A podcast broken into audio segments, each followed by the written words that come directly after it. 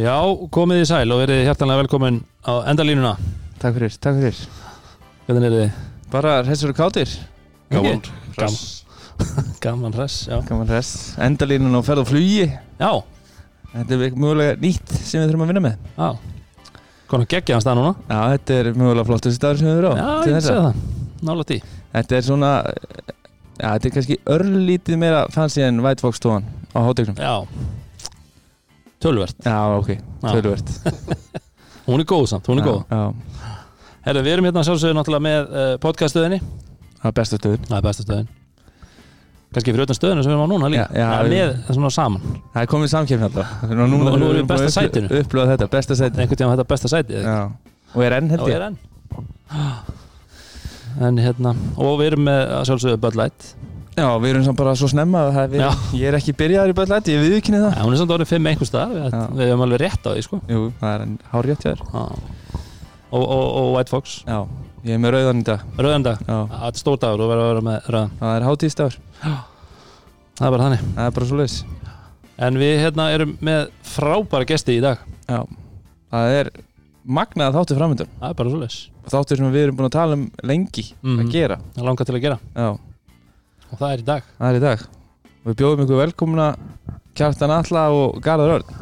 Takk fyrir Góðan daginn, hvernig er þið? Gekkja þess Ég finn strax sko Kjartan þú byrjar að tala eins og þú ert nú búin að koma á til okkar í NBA þátt sem að það var helviti góður. Já. að hérna Þetta er annars skipti sem ég finn að ég þarf að passa að halda stjórnin Annars tek ég stjórnandi í þig, ég veit það, ég veit. Hann tekur þetta yfir. Ég er farin- að spyrja ykkur spurningar til smá stund. Hvað finnst ykkur?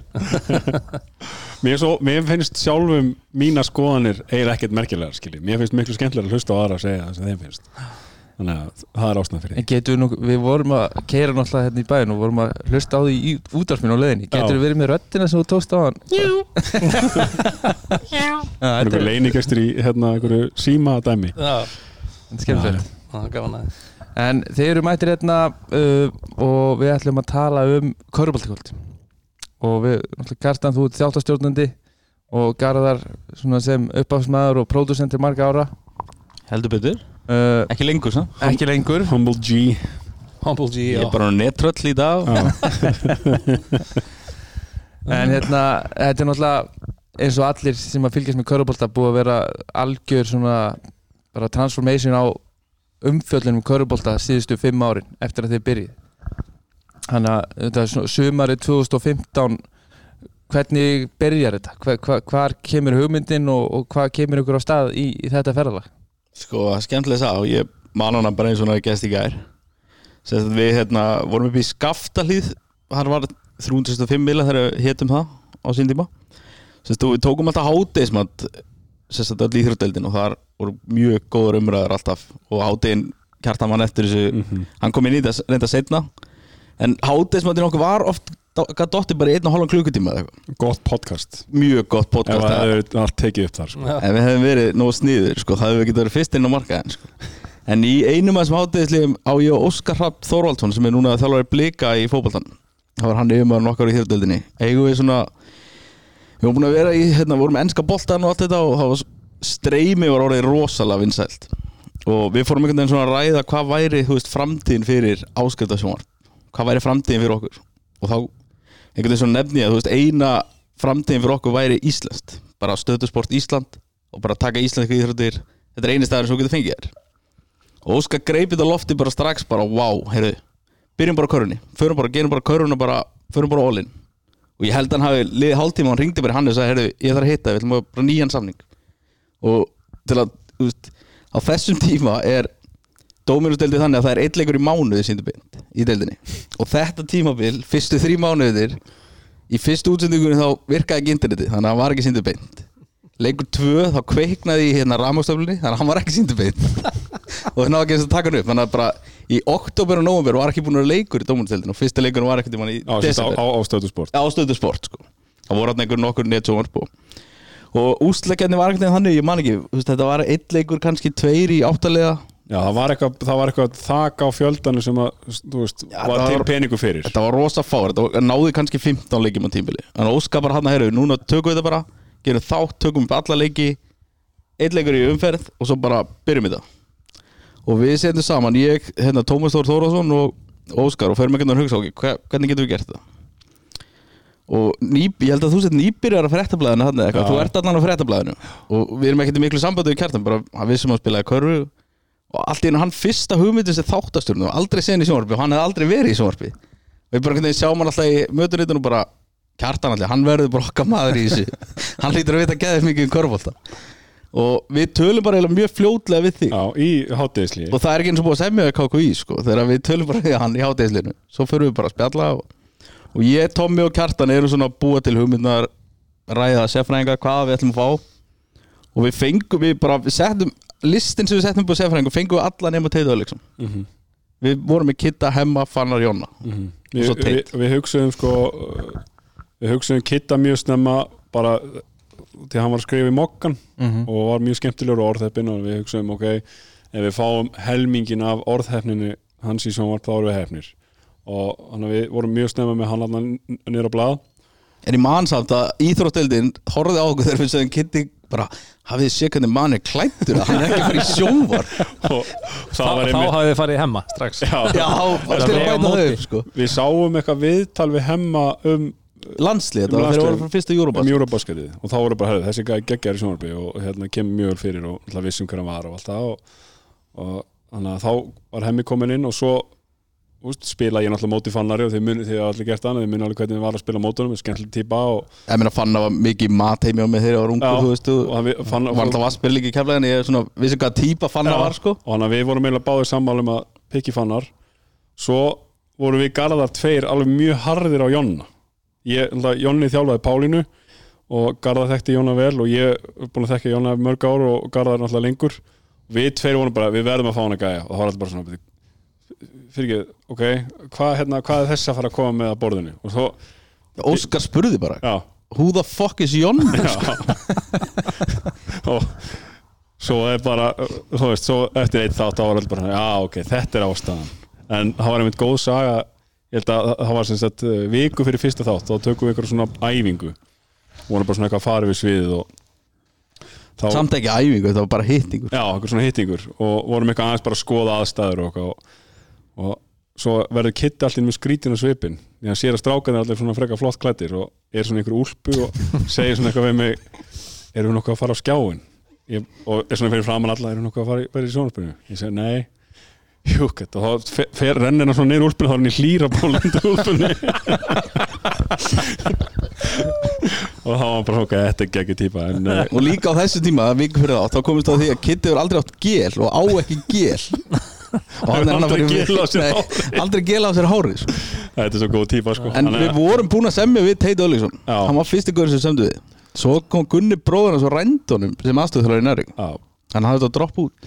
Sko, hérna, þegar, ég, þegar þeir töluðu mig, það datt mér teitur strax hann var búinn að vera þjálfara minn og, og hann alltaf er góð sögn og hann var mjög spenntur strax sko, en það hefur hann komið mjög flottur inn í þetta eftir. Þannig að, þannig að teitur var, var snemma á blaði og, og hérna og það var bara gott líka fyrir okkur einhvern veginn að vaksa ánans og svo kom hann bara inn í þetta og það var Þetta í end þá var þetta bara frábært sko. Svo er ótrúlegt líka Sorry, við, við erum strax búin að taka í þáttir sko. hérna, Það er ótrúlegt við þetta Að ég hafði ekkert gert í sjónvarpi. Ég er bara búin að vinna því ár Búin að vera að senda út einhverja leiki í ennska du- Tóku messun hann í ágúst Og Óskar setur þetta verkefni í hendunum mér Kjartan er aldrei verið í sjónvarpi.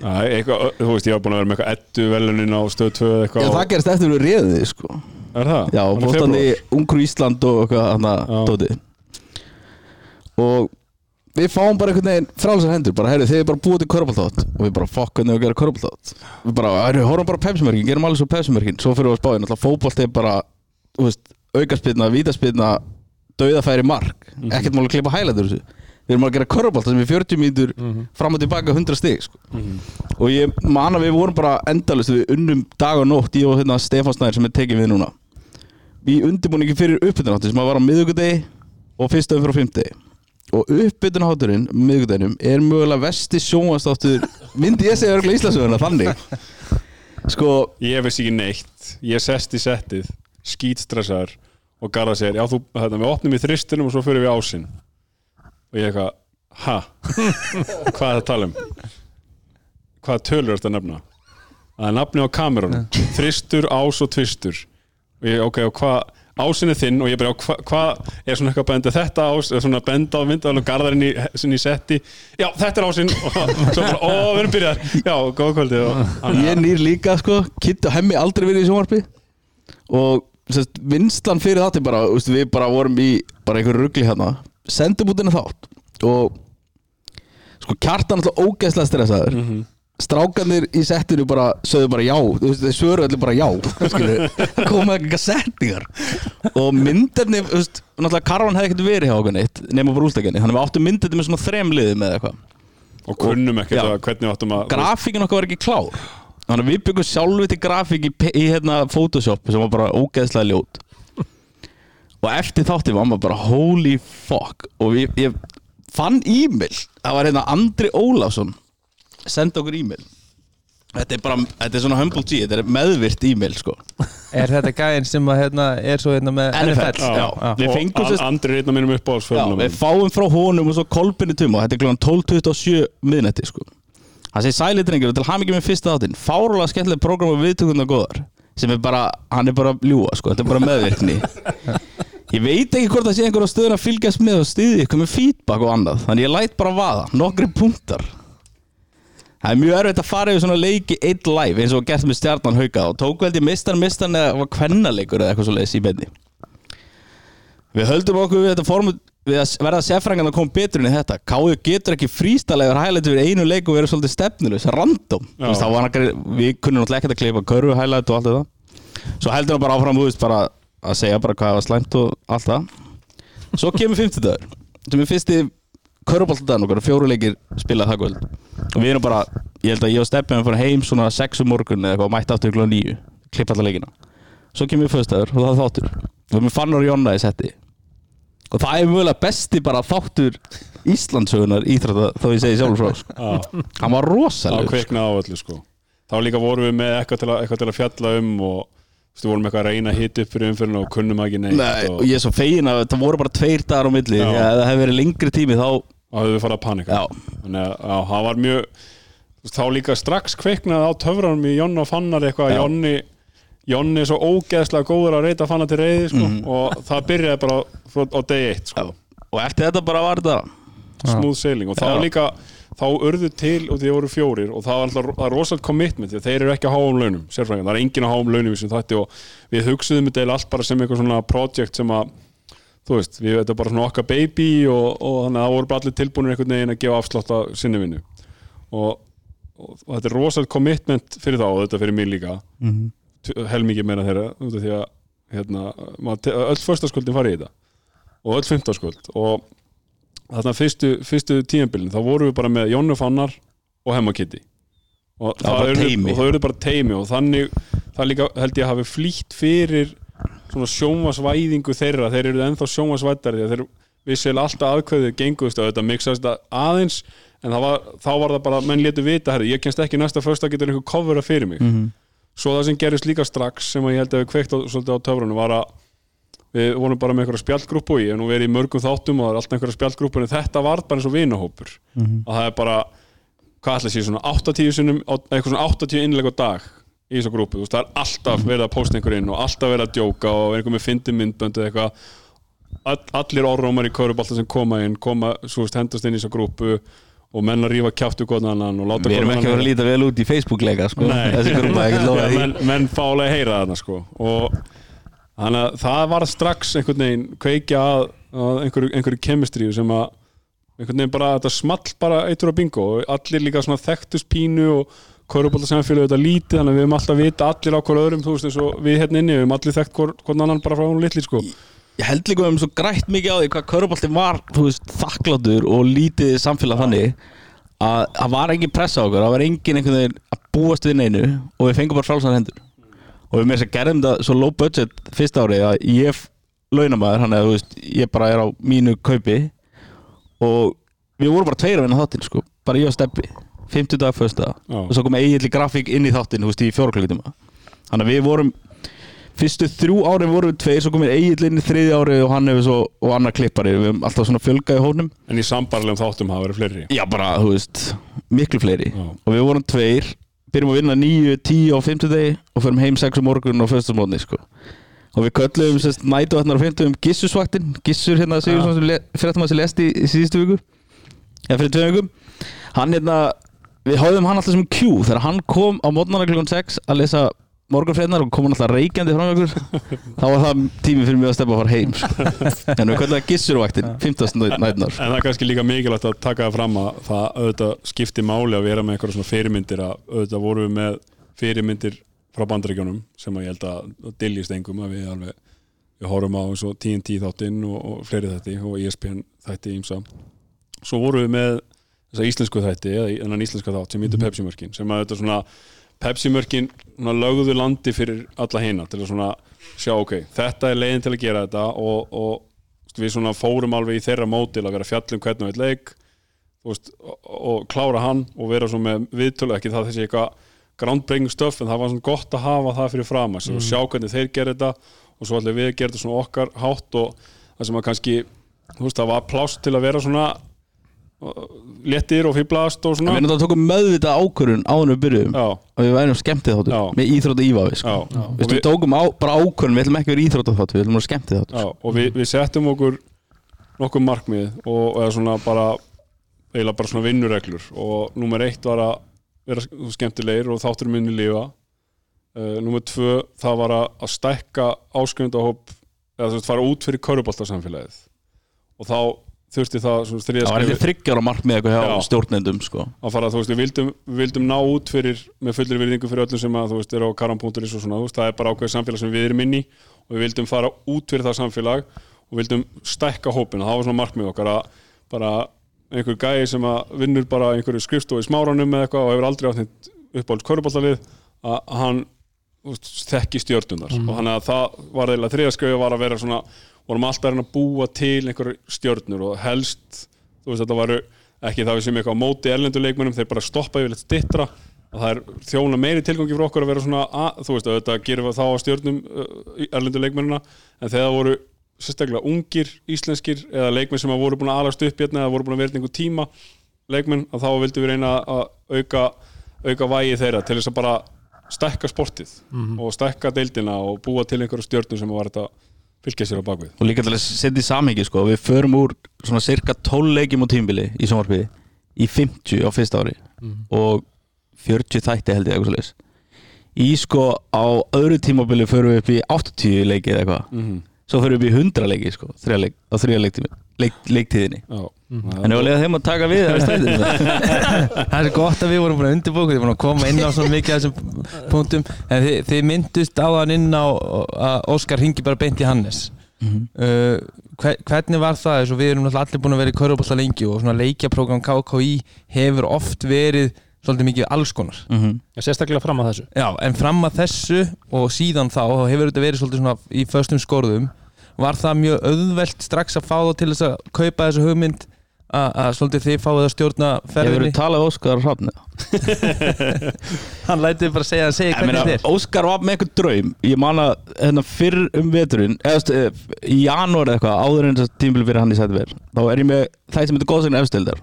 Og Óskar hafni með einhverja tilfinningum að föstu dagar séu nýju sjónvaskvöldi í sporti. Sem að enginn skildi það er enginn að horfa á íþróttir á föstum sko. Þannig að hann segir bara basically kakau, við ætlum að spila á 50 um föstum föstaskvöld verður bara körpaldakvöld selur bara þessu hugmynd. Mhm, og svo var NBA leikur beint á eftir. Já, Já, rest is history sko. Já, og þetta er náttúrulega við vorum einhvern veginn við upplifum pínu bara svona því að veist, þó að þetta einhvern veginn í dag veist, mér finnst þetta brand þessi brandhöfund að gengið upp á, þú veist, á föstaskvöldum það er bara körubolti og þegar maður horfið fimm ár tilbaka þá var í, voru íþróttir á föstaskvöldum ekki eitthvað sem að maður bjóst við að vera að horfa á sko. En það var bara Lói Beitni og. Gísli Martin sko Já, þannig að hérna, þetta var frábær pæling sko. Þeir náttúrulega reyndið í ennska boltanum er, er búin að vera eitthvað reyla Mhm. mm -hmm. og það hefur bara ekki reynst vel Nei, þar algjörlega En hérna, ég veit ekki hvað það er sko. Þú veist, það er alltaf kannski líka út í að frýta en eftir og þannig að hann hefur líka að hugsa NBA-leik og eitthvað svoleið sko,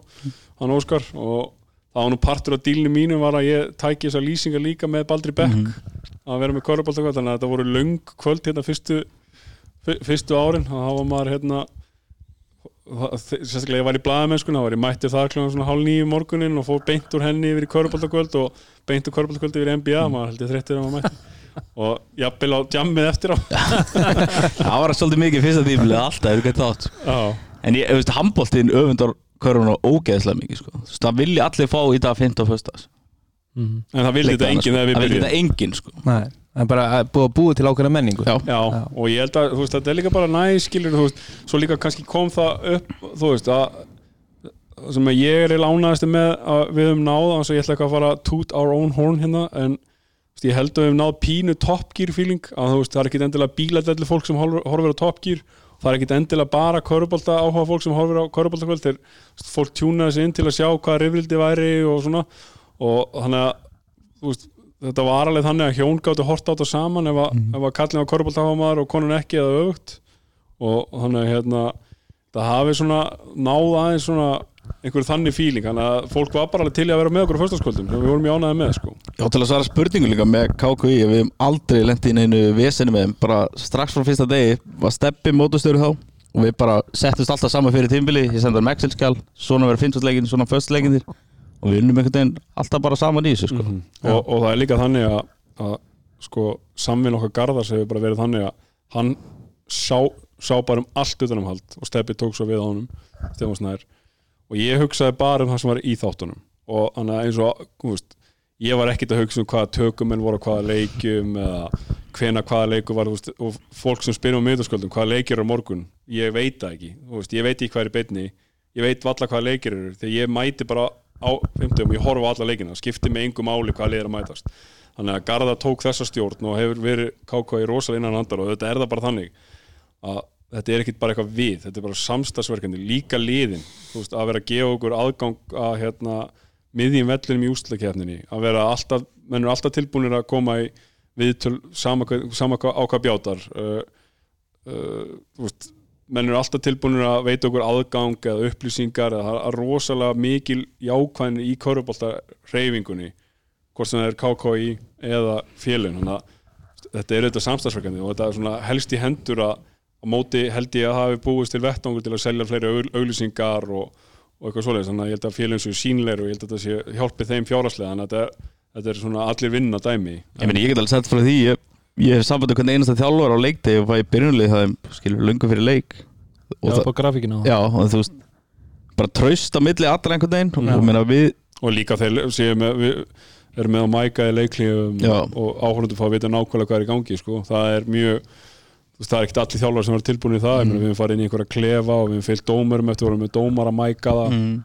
veist, það er rosa gott tröst og þú sér þetta bara til dæmis í þessu bandarísku írt og sjónfi þá þar, sérðu ekki þetta aðgengi í leiklíum sem, Nei. dæmi, sko, nei, nei, nei. sem er svolítið svona já, svolítið íslenskt út af mjög íslenskt sko bara streyfingin einhvern veginn stendur saman við hefum alltaf verið svona lítir reyfing og Mhm. einhvern veginn Já. allir tilbúinir að gera allt til að já, henni upp sko En hérna eins og ég komið inn á áðan með það að það var eitthvað svona markmið skilur fyrir árið að ná upp ákveðnum þú veist, ákveðna áhorfi og svona nú er þetta náttúrulega sjónvarpið náttúrulega vel veist, passað upp á þetta malt áhorstölur og annað eins og eins áskriftir var þetta, þú veist vorum við að sjá alveg bara eitthvað svona ótrúlegar tölur í þessu eitthvað sem þið sáu ekki fyrir Óskar sagði okkur það strax bara að það var þryggjar á plan sem við náðum á fyrsta ári sko. Markmið var náð á fyrsta tímbili sko.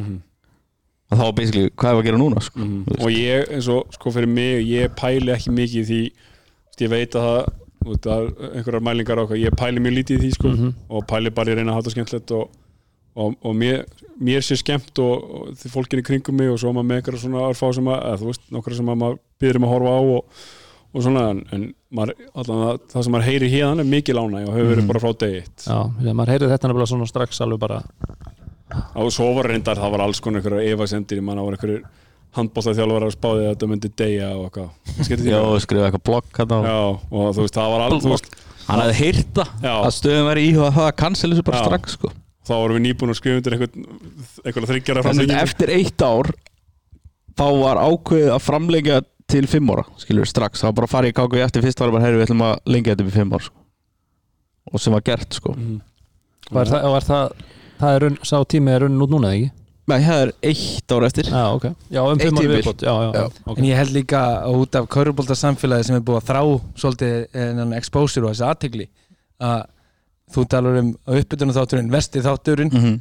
en fyrir alla sem að tengjast körubólta þeir voru bara svo fagnandi held ég að fá veist, bara körubóltan og, og fólki sitt bara- í sjónarpi sko. Að þetta var bara geggjað þáttur. Já. Ég mér Þetta- að sko Kjartan, Hemma og Kitta hafa alveg liðið vel eftir þetta. Já, já En útlýslega er ég að tala um þetta Já. vesti þáttur Já, söguna sko, sko. ég, ég, ég veist, ma- maður segir bara frá að á sko. við fengum strax mjög gott feedback og við líka svona þú veist, það var líka partur að því að, að stækka hópin var að kenna köruboltan, við vorum strax að reyna að kenna áhörundum stöðunar, hvað er ást, fyrsti, þrjusti, fjarki, fimma svona fara í alls konar svona hluti og þú veist, ég er eini svona tön, tönlast á því við og við alltaf þegar við erum í settinu.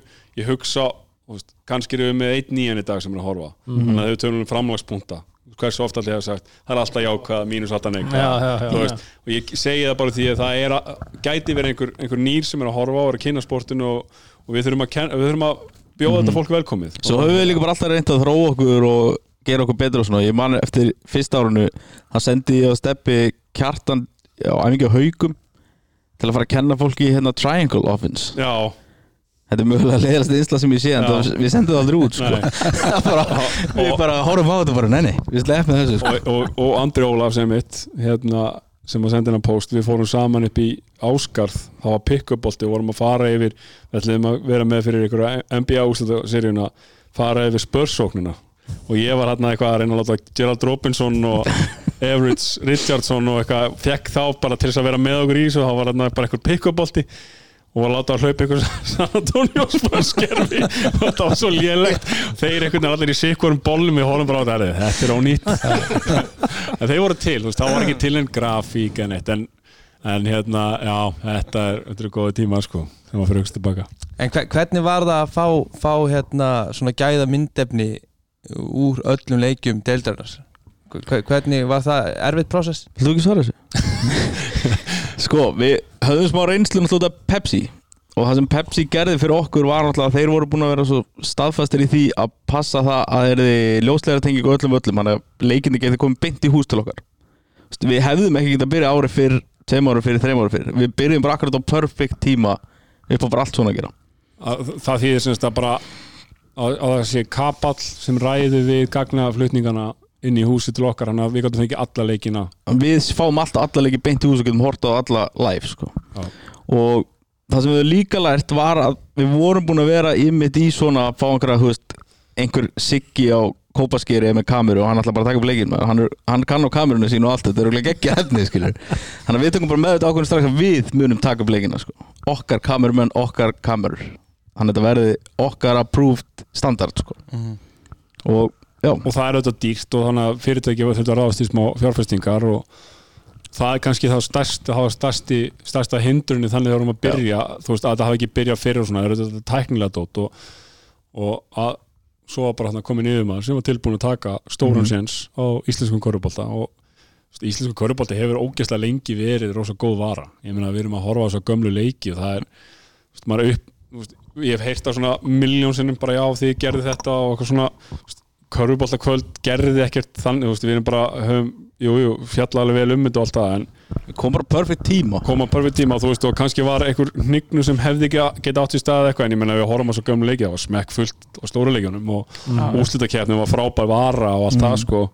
Þannig að, en mögulega, þú veist, ég held til dæmis eins og þess að åtta leiki í úslitunum og svona, það er kannski bara allir ásköndu stöðu til sport að horfa það sko, mm -hmm. stöðu til sports þannig að hérna, það er kannski hjálpað eitthvað og, og svoleiðis en veist, við, við náttúrulega höfum allir spilið úslakefninni hérna og, og, og Garðar verið vassberi í úslakefninni heldur betur og fleiri medalir en þú sko. hérna, þannig að veist, við vitum alveg hvað, hvernig þetta var sko. en, en auðvitað er náttúrulega verið að spila bara rjóman af þessu öllu hérna, í, í bestu leikjónum sko, og þá voru við alltaf smekkfell ús og, og svona en, en þú veist ég, hef svona oft full vel í lagt að ætla, ætla okkur að hafa já, breytt öllu sko. Svo ég haldi því til haga. Ég held að varan sem slík er góð. Það er auðvitað að fjalla um góða vöru og, og Humble G vil meina við erum mikið þátt í já, En þú varst að spyrja um leikasörun eða ekki? Hvernig það allt gerist. Ég- þessi upptökum og því öllu. Já, kannski þurfum að útskýra fyrir fólki Já. leikjaserverin er, er, sko, er, er með því að vera að taka upp alla leikja þá ákveðu við að búa til einu gaggrunn sem Pepsi-mörkin hafði líka verið að gera. En þau hefði gert það svolítið öðru sér að leikinu kom bara einhvern veginn inn og við ákveðum semmi þannig í liðan þau myndu borga fyrir aðgangasörfundum og við lofum þegar við verið komnir inn síðasta lagi fjóru klukkutum eftir leik. Þannig, að- og þetta var orðið þannig á tímbil að þú gast verið komin inn í klefa búin í öllu viðtölum og byrja að horfa á leikiðin í símanum sko. Það en það er ógeðslega þjó- þjónusta fyndið. sem við vildum Já, það er ógeðslega fyndið. Við ákveðum, tókum þetta standard ákveðum bara allt í okkar kamerum, allt í háti og allt svona.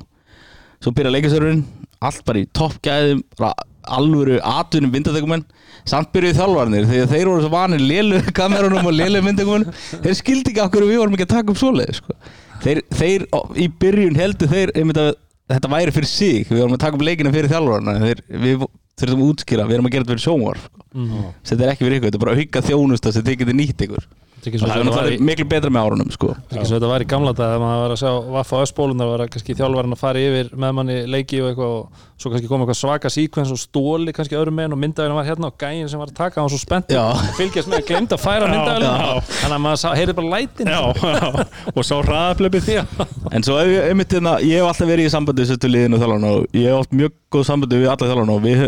við hefum lært mikið af þeim líka þú veist, þeir hafa verið að benda okkur á þú veist, það er þægilegt fyrir okkur að þetta sé svona uppteki heldur en svona close og eitthvað sem að hjálpa líka sjónarfinu skilur, að taka upp körubálta þannig við hefum bætt okkur og þróa okkur bara mjög vel í því. Ég held að þjálfarnir sé mjög sáttir allan að Þe- Þetta samstarf myndi ég halda sko að þú ert að fylgjast með þjálfun. Mhm. að, að, að svona á þessum svona sérstaklega síðustu fimm árum að þá er bara svona skáting og, og svona professionalismi í þjálfun í efstu deildunum sérstaklega og, kannski niður í fyrstu deildi kalla hvenna að þetta hjálpar og elevitar allt prógramið. Já, þú sérður liðin eru betur undirbúin. Af hverju, það er bara meira efni það er miklu meira sem að þjálfararnar í höndunum til þess að undirbúa liðin sín. Já, þetta tekur líka úr þú veist, ég, ég- var veist, ári áður en að þetta fyrir á stað þetta verkefni. Og eitt af mínum hlutverkum var að veist, vera að krukka í það var svona einhver server sem að þjálfararnir heldur sjálfur utanum þá þurftur að upplóta myndefninu sjálfur. Þetta var bara kannski fjögra klukkutíma prósess á einhverju ESDN-tengingu líka mm. sko, að vera þú veist, taka myndefnið af einhverju kameru, setja í tölvuna það eitt og sér tekur langan tíma svo færa inn á einhvern Gmail server okkar, þetta var ótrúlega vel gert hjá þeir sem voru að halda utan um þetta þetta varð bara miklu auðveldar þarna. Það tekur bara einhverja, þú veist, tvo til fjóra klukkutíma úr vinnu fyrir aðstöðhjólvaran bara við það eitt að setja þetta drasl inn sko. smá hot take og svona held að óvinnsæl skoðun en mín skoðun er að ég held að þetta hefur drepi gamla skólan í þjálfun. Já, að þetta hefur komið inn. Ég er út af því að þarna gáttu þú veist, ungu gröðu þjálfarnir fóru miklu meira að undirbúa sig og þá lendiði bara vegg held ég sko. Mm og ég held að þú sjáir hérna líka mjög að þegar þú, það eru lið mm. sem eru með þú veist gamla skólan kannski í þjálfun Mhm. litla vídeovinnu að þú ert farin að sjá það í köruboltanum sem er spilaður -hmm. að þetta er lið sem er ekki að vinna vídeovinnuna Mhm. það er ekki að skáta svona miða við öll hinni sko. Hver, hversu oft sáu þið ykkur sjálfa spila ekki oft shit hvað vel sjaldan maður og við erum sko kynnslóðum bara undan þessu sko Kitty Gunn er sko ennþá röfliði bara hvað er þessi fokkin gaur að fá að vera í sjónvarfil sko? Vi, Já. við fengum aldrei sjónvarfleik sko. En þú veist, ég meina, ég bara held ég að við þú veist, það var til eitthvað myndið og einhver leikjum og maður gæti séð á YouTube eitthvað, það var bara groundbreaking sko. Mhm. og, og eins og segja, við erum þú veist, rétt rúmlega þrítugir sko. Þannig lagað. Þannig, þannig. Já, já, Nei, þetta er þetta er, já, þetta var, þú veist, og líka núna eins og maður sá hann að seríuna sem að þið gáðu út um daginn, hann bestu leikirnir. Mhm. það er virkilega gaman að sjá það, en nokkri leikir hann sem maður vildi kannski ekkert vera að horfa Nei, og það er margt af þessu sem er miklu betri í minningunni. Það var einmitt verið að spila 2009 byggarúsla leiki núna á Rút 2 um daginn. Það er bara einhvern veginn í vikunni og ég horfði á þetta ég er bara svona uh, djövel voru við næstíð búin að kasta þessi frá okkur. Maður mað vill bara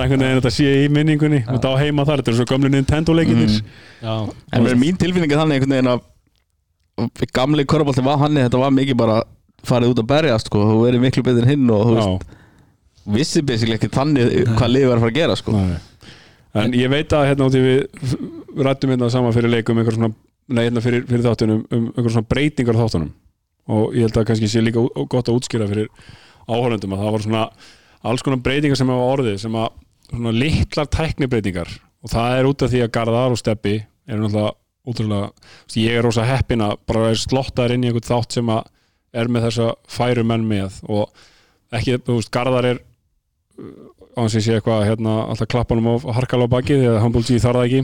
En hann er, þú veist, eitt besti íþjóttapródusent sem við höfum átt, bara þjóðinu og, og bara búin að breyta hvernig íþjóttasjónvarp er. Og svo erum við steppa, ég meina, ef við spyrir Gaupa hann er eftir, hann er hérna uppi. Hver eru bestu íþjóttaklippara sem við erum unni með í 25 ár, hann er búin að vinna í 25 ára 30 ára eða eitthvað steppi er topp 3 hjá honum, þannig í sögunni, þannig að við erum með Garðar og Steppa saman á þáttunum. Og svo erum við með, veist, Egil sem kemur þarna inn í grafíkina og er svona í kringum þetta sem er búin að vera í korfbólta og allir búin að vera í korfi einhvern veginn. Það er rosalega, var, var strax stórt. Þannig að þróunin var mjög hröð. Og það sem við lögðum alltaf upp með á hverju ári var, við vildum ekki gjörbreyta þessu því að við vissum að við vorum með góða við vorum alltaf verið svona incremental breytingum svona smáskræða breytingum og dæmum það var bara að setja stöðuna inn í highlights það var koma á hvað, Mm. season 2 Síðan tvö, ég veit ekki hvað þið munið til fyrsta síðan var bara sjónvarsleikur með stöðinni sko. Já, og ég var þá alltaf með útprent sko gangu leiksins og var búin að, þú veist, með yfirstrykuna penna fara alltaf yfir alla körfunar þannig að, þú veist, ég gætt þannig að ég vissi, ok, hérna er staðan 63-64 og Reddit Dubrí skora hér og staðan 65-64, mikil spenn, þú veist, þannig að þetta tók rosalega mikla vinnu á mér. En settið yfir á þá að þeir þurfti að gera alltaf sömu highlightin eða þú veist, með highlight penna, bara hvaða körfur þetta voru og handsetja stöðun inn. Það þarf að taka borðan setja hann á ramman setja stöðun inn kemur karfa, gera þetta allt aftur fyrir hverju einustu körfu. Og þannig að það, það hægði vantarlega eitthvað vinnunni garðar. Já, það er bara lengdi vinnuna og með því líka fengu þá auka mann sem var þá lengur með okkur og, og við veginn bara alltaf á hverju ári eitthvað, gert eitthvað nýtt veist, bætt einhverju við. Og svo er aðstæðan orðin núna eftir að við fluttum úr skaftalínu þá erum við hérna uppi í það er svona sjónvarshotn og erum með fjóra skjáfi þannig að alltaf á fimmtaskvöldum það eru alveg, þú veist, koma stundum menn svona sem að eru bara þú veist, þekkja korfubolta, er kannski ekki endilega tengd í þættinum bara að hann langar að sjá þetta og eru búin að heyra af þessu eitthvað, félagamanns eitthvað og, og hafa aldrei neitt til orð. Því að þú veist, við erum með alla leikina og við veitum alltaf hvað staðan er allstaðar og fylgjast með öllu og, og, og svo þú veist, ef, er klassíst sko ef að það er eitthvað blóat í sjónvarsleiknum þá lækkum við því, hækkum í stemmingunni það sem er spennuleikurinn sko.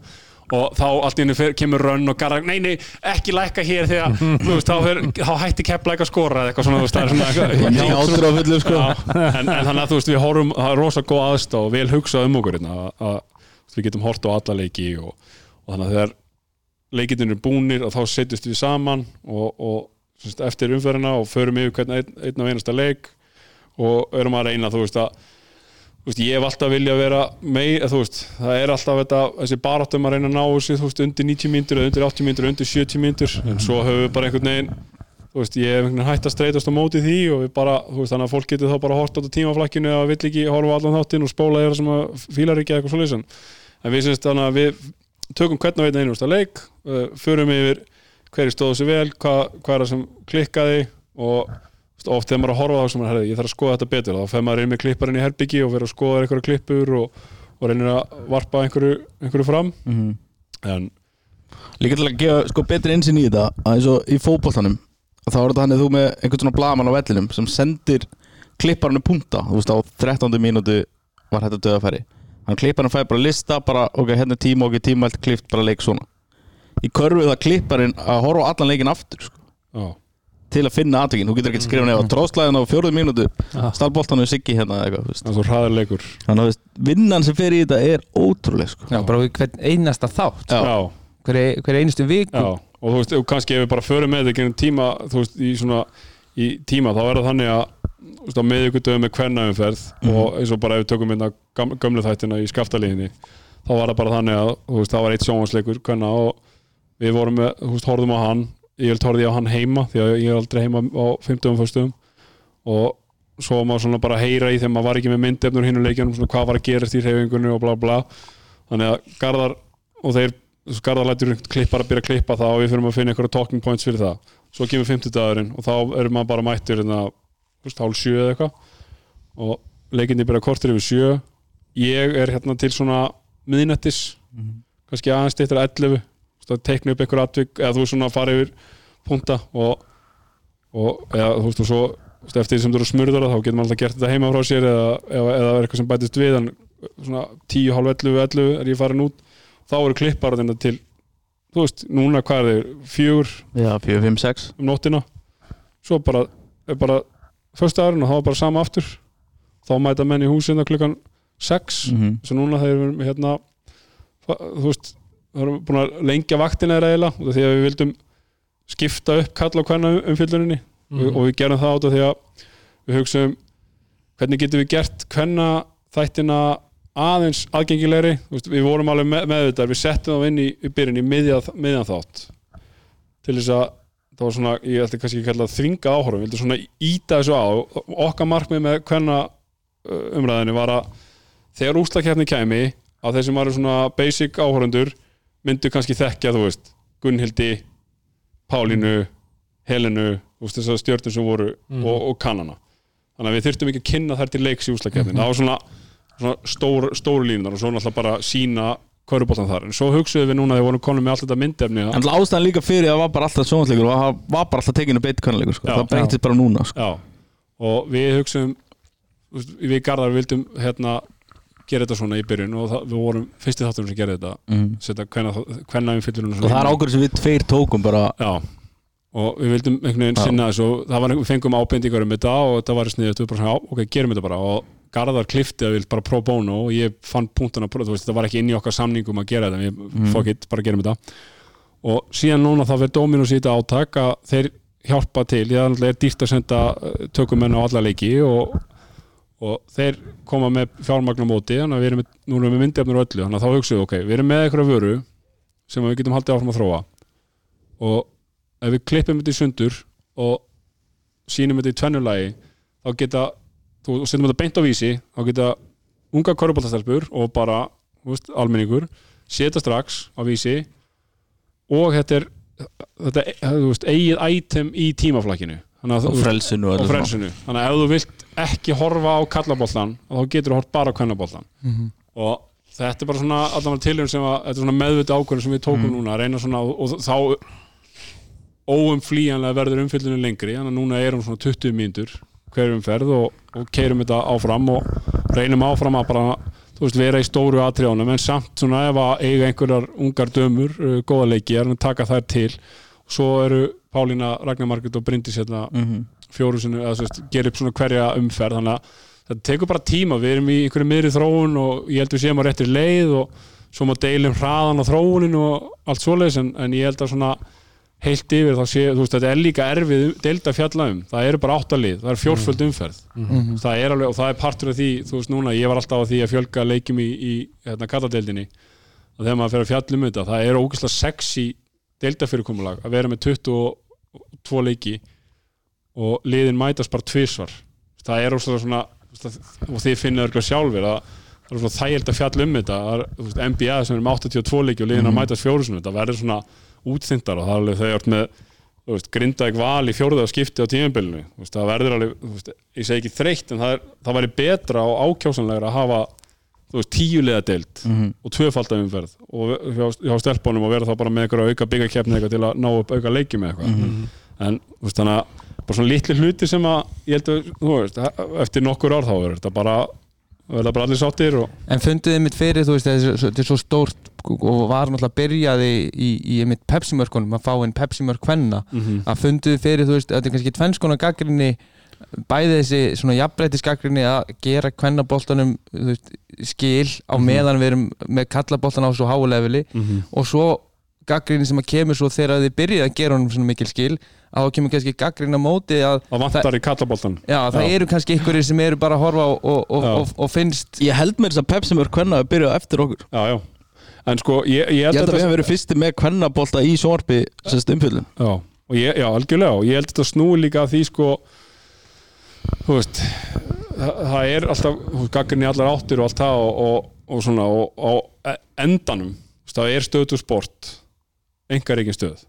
Og við erum að treysta á það þessi fólk sem horfir á þetta og, og það er þannig, veist, það eru fleiri í dag sem að horfa á kallabólta, það er bara það er bara stærri markaður. Stærri markaður, sko. ég menna það það þýr ekki að við ætlum að gera lítið úr kvennaboltanum og þannig að við getum stækkaðan og eins og við erum að sjá að gerast með kvenna knaspinu bara í öllum heiminum að það er bara að verða hjút dæmi. Og þetta bara, eins og ég segi, þetta tekur allt bara tíma og við erum bara stattir í einhverju svona aftarlega kannski einhverju þróun eða eitthvað, ég veit ekki en við, þú veist, því meira sem að við getum aðskilið þetta og gert tvo þætti og þú veist, það tekur bara tíma líka. Þú veist eins og núna, nú er bara komin uh, hérna, nú er svona fordæmi fyrir því að hvenna þáttur sé eigin þáttur og, og það er búið að virka ágætlega í þetta, þetta tímabil og við erum með meira aðgengi að kvennaboltanum og svo stækkar súvara og svo verður hún að einhver og veist, hægt og rólega bara stækkar þetta allt saman og, Já, menn við byrjum með þess að fjórðungsæti líka Þannig að stelpunum kom alltaf saman og Já. tóku þú veist Fyrstu sjöum fyrir Já. svo fyrstu fjórtán og... en sko á endanum þá erum við bara háðir einhverju markasbudgeti, ég meina það er ekki langt síðan að var ekki körubólt í sjónarbrunni, þannig að við erum bara háðir því að það sé fólk sem kaupir áskættir sem uh, fyrirtæki leggir peningi í þetta fólk kaupi auglýsingar og svo framvegis og framvegis. Þannig að við erum bara að búið til einhverju vöru sem selur og við gerum það bara eftir okkar bestu vitund og við, veist, við höfum reynt að bara búið til nýja vöru úr kvennakörfunni og ég held að það bara gangi mjög vel Mhm. held ég sko. En, algjörlega. en ég meina við erum ekkit eitthvað auðvitað í, í perfect heimi veist, ef, að- ef við varum ríkisreikinstöð þá getum við bara verið með þetta nákvæmlega jæmt þá varum við bara veist, ég held það, skiljið mm. Ég veit ekki hvað Garðar finnst um það hérna, en, en þú veist við erum allan að reyna að gera okkur besta og eins og Garðar segir, þá, var, þá bara var þetta einhver ákvæmum sem við tókum, við ætlum ekkert að segja við séum englar en eitt svoleið sem við reynum bara að, eftir að gera okkar besta í að stækka bæði sport eða veist, fyrir bæði kynin Mhm. ég er sjálfur búin að þjálfa veist, ég þjálfaði mestarlega kvenna og búin að þjálfa frá fjögur ára stelpum og upp úr þannig að maður veit hvað fyrirmyndi skipta miklu máli Já, og, líka bara, sem er gaggrin, öll gaggrin er góð gaggrin og við tökum hann alla til okkar. Já. En eina sem kannski hefur svona sært okkur er þegar þetta er bara beint, beint á okkur eins og við höfum konur, sko. Já, við hefum báði dætur. Veist, þetta er ekkert, við tókum bara ekkert með þetta ákvörðu bara við ætlum að, nei, hvernakarfa er bara drast, við ætlum ekkert að gera þetta sko, Við erum alltaf að reyna, Já.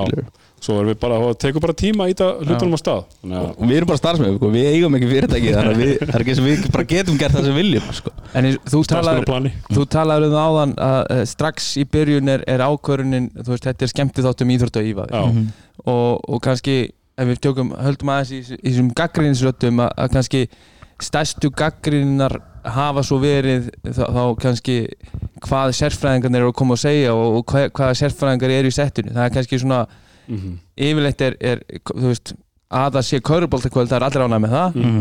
en það er bara svona, þú veist, svo eru mismöndi skoðanir hverju vilja fá hvað. Algjörlega. Og þú ert að horfa á eins og þið talið um að við erum að reyna að fá gæjan sem að mætir aldrei á kauruboltaleiki til þess að horfa. Mhm. til þess að horfa, til þess að hjónin horfi. Mhm. að, þú veist, þú sem hefur ekki á að kaurubolta finni skemmtana valjúið Mhm. að þú þarft að hafa þetta mix á milli þú talar kannski um hemmi teitur sem eru svona róleri og, Mhm. og, og mi miklar kauruboltapælingar versus til dæmis þeir sem kannski hafa fengið mjög stóra gaggrinni Jonni og Fannar. Mhm.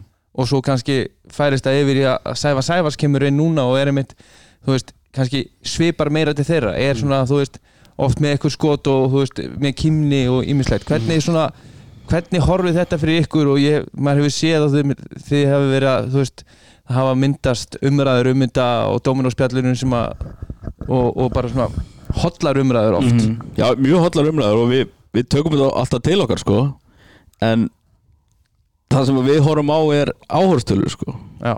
Veist, þetta eru nokkrir háarir sem er að gaggrina þetta. En það er fimm ár og ennþá eru fannar Jónni í þættinum, sko. Það er einhver ástæð fyrir Það því, sko. að segja eitthvað sko. Já, já. og líka sko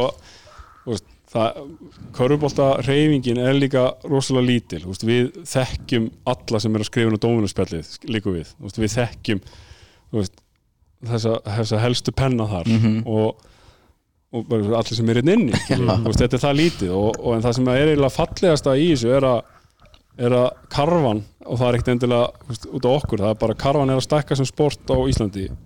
Og ég hugsa að KKI finnir líka fyrir þessu að þú veist, allt í einu er komið fólk í stjórnir sem maður vissi ekki af. Veist, maður einhvern veginn vissi af alltaf uppáhaldi mitt sem yngjörflokka þjálfara var þegar ég sá leikmann sem ég hafði aldrei heyrt af. Bara einhver gauður í hrunamönnum eða stelpir hrunamönnum sem var veist, var einhvern veginn búin að fara undir radarinn og kom svo allt í einu þegar hún er 14 eða hann er 14 og maður sé allt í einu, herri, já það er eitthvað sem ég vissi ekki af. Það var alltaf uppáldið mitt, þannig að maður þekkti eil alla það var ógslag pyrrandi einhvern veginn að vita alltaf af öllum og búin að heyra þessum frá þessi var 10 ára eða eitthvað svoleiðis.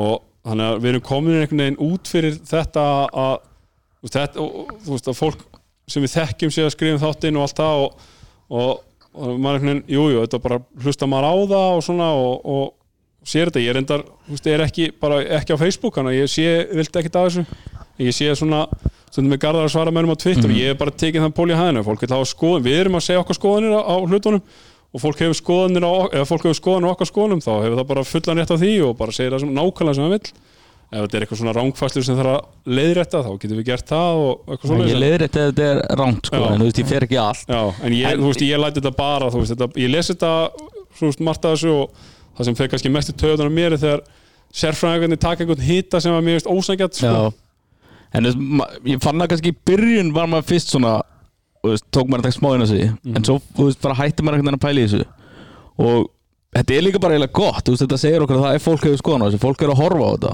þú veist, algjörlega og, ég hef myndið að hafa áhyggjur ef þetta væri ekki Nei. ef enginn væri að fjalla um okkur Já. og, það veist, er, enginn hefði skoðan á okkur og sko. það er alveg svona, þú veist, einhverju sem er, já, þú veist, þið er ekki að tækla þetta í körfinu eða ekki þetta og eitthvað svona, eitthvað svona lærið körfubólta teik og maður svona, já, ok, það er alveg rétt hjá þér. En við erum líka ekki að gera þetta fyrir þjálfarana eða leikmennina, við erum að gera þetta fyrir áhörnundur eins og sérfræðingar mikið talað um sorry, hérna, þú veist, þeim finnst svo geggjað að þegar þeir eru að mæta bara eitthvað í nett og keflæk þá kemur eitthvað görur að drullu yfir Jonna bara.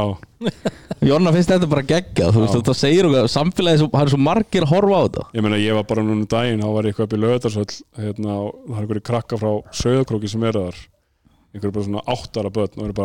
það af hverju fílar svona Gerald Simmons? Og þú veist, af hverju er þú af hverju fílar hann svona, hvað er það við hann? Eitthvað svona, ég er bara djöfull vitið mikið um, þú veist, þá einhvern veginn er, er að pæli hvaða leikmi við erum að fíla og sem er bara geggjað. En hérna, þú veist, við erum langt frá að vera fullkomnir og, og, og langt frá því að vera einhverjir þú veist, um körubólta og svona og við bara tökum þeim skoðunum sem að koma á okkur og það er bara svo það er. Mhm. Svo ég vitni í annað podcast. En þetta er eins og, veist, maður er alveg heilt þjálfar að segja að þú veist, sumir þjálfar horfa kannski ekki á þáttinn. Og ég hugsa að þetta haldið svolítið samt í, í, í svona helst í hendu við það er liðinu að ganga vel eða ekki? Já, Þú veist, er ég að fara að fá okkur að gaggrinni þá, þá er ég ólíklegri til að horfa. Einmitt. Fyrsti vetur minn þar sem ég er heima að horfa og þú veist, ég man bara alltaf um að Pepsi, að horfa á Pepsi-mörkin heima þegar keflæk tapaði þá nefndi ég ekki að horfa sko. Þá má maður bara byrja þér og mér keflæk tapaði einhverju klósleikum út í stjórnunni ég slögt á sjónvarpinu sko. Já, Þú veist. algjörlega og þú veist, og, og svo finnir mér þess að þjálfara þeir sé alltaf, ég, ég horfa aldrei á þetta sko. en þeir geta kvóta alltaf bara hvað hvað eina sem sem ekki að segja sko. Ég heldur horfa á alla þetta sem bara í nefni sko en þú veist og, og það sem við líka kannski reynum að gera er bara ef það kemur gaggrinni þá, þá vi- vonast ég til allan að fólk upplifu það og hún kemur á góðum stað við, okkur er ekki ítlað við neitt í deildinni eða uh, þú veist, við viljum ekki þú veist, einhvern veginn vera einhverju gotcha moments eða eitthvað, þú veist, og e- einhverju þannig. Við viljum reyna að vera bara heiðlegir og jákæðir og þú veist, en til þess að geta rósa einhverjum þegar það gengur vel, þá þarf líka að láta vita að það gengur illa til þess að rósið sé einhvers virði. Mhm. þú veist, þegar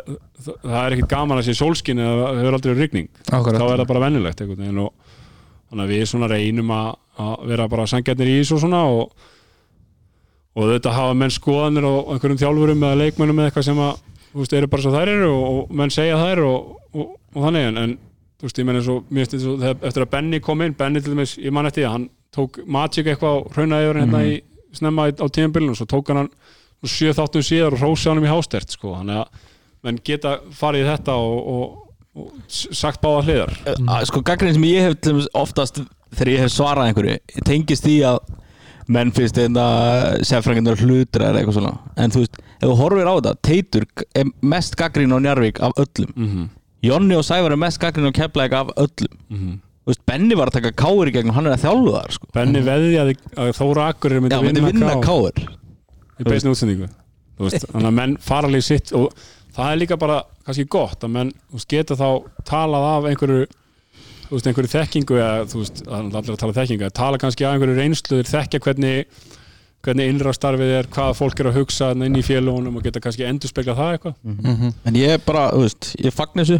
Já, og við Og- fýlum að, að, að, fólk hafi skoðanir á sig. leiðu þetta hættir þá höfum við áhyggjur sko. Þú veist, þá er fólk hætti að horfa sko. Já, En nú komum við inn á áðan þú veist, var einhver tíman einhver pæling með að það væri ekki beinni útsendingu? Aldrei. Nei. Nei, Við, við verðum út, út af bara hvernig hérna, Þetta mó- spilast já, og- já. og við viljum bara vera ferskir og Já. það sé bara komið beint við, á- við á sko, kúnni. hafði lent stundum að verið svona sunnudags mánudagsumferð þá hafði við kannski verið messa eða eitthvað á þá hafði við teipað á þriði Já, þetta er bara allt annað þáttur sko, það er þegar En- þetta en- er upptekið í hátinn en við verðum samt að gera það veist, þegar þú veist, það þarf að kalla út auka fólk Mhm. inn á kvöldin og þannig að ef það er ekki umferð að kvöldi til eins og þrið, þú veist, við erum að sína á þriðdegi þá verðum við bara að gera þetta á business hours. Þú veist, við verðum líka að vera sangjarnir hérna við fyrirtækið og, og þannig að við getum ekki bara alltaf kalla át fólk bara í aukavinu og, og til þess að sé aðdýrna því að bæði kostar það pening og svo er líka þú veist ég meina svo mennindi sem er þetta á teknikóli þeir vinna hérna 24-7 sko og verður kallað þá út einhverja aukavakt sko það er, Svo er þetta bara annað game að vera live Já. og taka upp sko. Það Þetta er bara eins og vera æfingu og keppa sko. Já, en það sem kemur líka náttúrulega með læfinu er hérna til dæmis mjög skemmtilegir hlutir sem hafa gerst í, í þættinum. Já, Mhm. ódreiknilega atvik. Já, og eitt af, eitt af mínum uppáhalds alltaf og ég, það er hérna Egil Októnsson Bensinbrúsin það er ekki Októnsson Októ, Októnsson, já. Já. það er eitthvað það að finna það sem að ég hef það var og átti að Það líða hefði með- ekki einu sinni farið svona nefn út af því að ég og Steppi vorum að hlæða svo mikið í mynd þú veist, ég, þú veist, þetta er alltaf þannig ég er það einhvern veginn hyrðist í ykkur. Já, og ég er alltaf að reyna að halda einhverju og svona, þú veist verður strax bara þegar Kitty byrja bara ok, reynum að eyða þessu reynum, þeir, þeir eru allir það sem að, þú veist, það er svo gaman þeir, veist, þeim er skýt sama sko, þeir bara vaða áfram og Ki- Kitty bara, ha, heitir hann Octo? Og, papp, var pappans já, Bensinbrúsin og ég eitthvað svona reyni að hérna, eyða þessu og þá eru þeir inn í, þú veist, að vera með eira í útsendingu, þú ert með gaurina inn í haustum að þér, sko. Mm. grenjandi úr hlátri eins og þið heyrðuð. Og veist, þá var þetta bara þá var ég game over sko. En svo eftir þennan þátt þá ringdi ég nú í í þá feðga. Því ég þekki á Okto og Egil. Þekki á mjög vel. Egil, ég held að hann með sér bara byrjaði körubólta hjá mér. Og, og bara tók stöðuna á og báði afsökunar ef þetta hefði farið ítli og þeim, þeim fannst þetta bara geggja að fyndi sko, var með mikið húmor fyrir þessu þannig að Talandi um gaggrinni, til dæmis með það moment Já. Þá komum við með deitt svona gaur á Twitter sem sagði við vorum bara búin að rústa lífið. Já, Tók bara þrjú tweeta eitthvað bara um það Við vorum búin að rústa lífið á þessum unga dreng og hann mun aldrei fá séns og eitthvað svona. Sem hefur enga hugmynd um málið skilur kjartar er múin að tala um pappan sko. já. Og hérna gerði það bara strax eða bara daginn eftir. Þú veist, þegar fólk er svona hörundsátt út í, í fyrir hönd einhvern annars það er bara sko, að búa til eitthvað, eitthvað situation sem er ekki, á ekki stóður og, og þa þarna, þú veist, þetta gerist þú veist, fyrst þetta gerist, þá líður mann ítla skilur, og maður svona tekur þetta sig. Svo gerist það aftur og líður mann aðeins minna ítla og svo gerist það aftur og aftur og aftur og fólk er að móðgast eða með einhverja meiningar eða þú veist, svona kannski óvægin þú veist, fínt að taka discussion og, og ræða hlutina. Það stundum verið fólk óvægið það var það sérstaklega í byrjun einhvern veginn. Vissi ekki alveg fyrir hvað við stóðum. Og svo bara eftir þetta gerist, það búið að gerast 50 sinum þá var maður svona ok, þú veist, þá var maður bara vanur þessu. En það tekur alveg tíma og það er alveg þú veist, nartar alveg í mann og svona en, en ég held svona heilt yfir fólk veit, það veit að hver það gengur þegar kveikir á þættinum. Það veit að það hlutinni geta farið út í allar áttir og það veit að allir líka hérna innan dýra að þetta getur farið í allar áttir og, og það er allir meðvitaðar um hvað dómur og skorupallakvöld er. Þannig að ég held að gaggrinni hafa svolítið breyst og svo bara erum við hægt og rólega kannski farin að vera taktískari ég menn fengum Finn Frey hérna inn í úslakefnina og hann svona einbytti sér að taktíkinni og það var líka meðvitað ákveðin þegar Finnur steg frá að þá hugsaðum við hvaða þjálfari geti komið inn og Benni hefur komið alveg frábær inn í þetta og fengum Sævarinn líka sem svona eins og segja hann kannski svona í óhrættu við hot takes og hérna ekki það að einhverju sér hættu við en hann svona hugsaði þetta svolítið í sleggjum og það er búið að vera mjög fínt að, þú veist og hann kemur svona aðra vít hann, hann pyrra fólk líka. Veist, þetta er svipað svona með Jonna veist, þetta pyrra svo marga þess vegna verðum að hafa alltaf eitt svona sko. og hann Sævar elskar sérstaklega í þessari grúp okkar ef að maður setur eitthvað inn og þá er hann alltaf tilbúin að vera móti. Og það Nei, og hann, hérna, og þannig það líka í þáttunum og í undirbúningnum.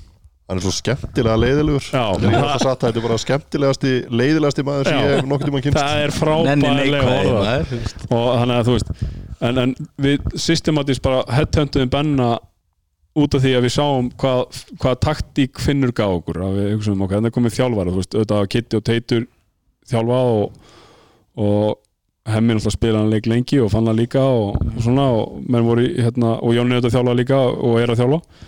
Og hann að menn er, þú veist, þannig að við erum kannski þrjágæði sem eru búin að vera í svona taktískri nálgun á þetta og, svo, svo höfum við, þú veist svo hérna, já, það er kannski svolítið síðan sérstaklega Kitty og Teitur voru þjálfa. Þannig að hérna þannig að Benny kom inn í það en með, hefur, með það, en hefur það einhver tíma verið eitthvað svona issue mitt, þú veist, liðin þegar menn eru, að því nú eru náttúrulega það var kannski ekki til að byrja með, menn voru þá ekki dýnir um störfum innan félagsins, eða jú reyndar var ekki Jónni var að formaður. eitthvað. Formaður. Rak hana í beint Alveg, útlendingu never já. forget sko. Earl, Earl Brown, það ekki.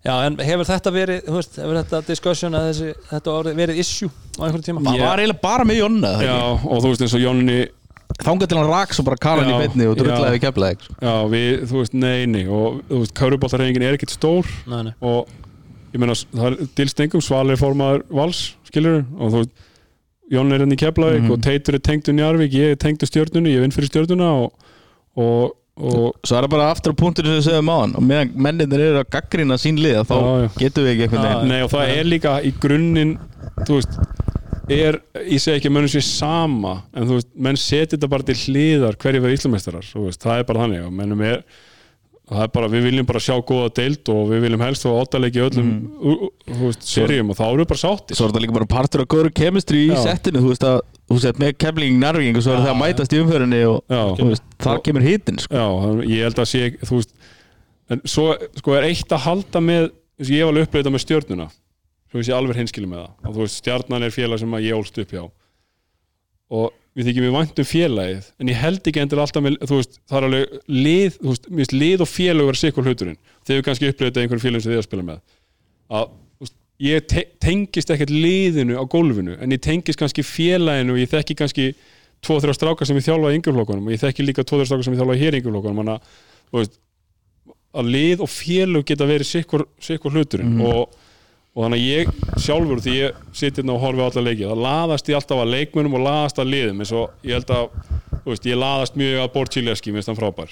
Uh, ég laðast mjög að Þór Þólásöf svona hvað Þór Þólásöf stendur fyrir. Og svo eru svona leikmenn sem hafa komið upp sem að Dabbi Kongur er bara einn af mínum uppáhaldsleikmennum skiljið, þú veist, bara því að ég elska bara að sjá gauðir, þú veist, ég tengi bara við hann hann var overweight eins og ég var og hann reyf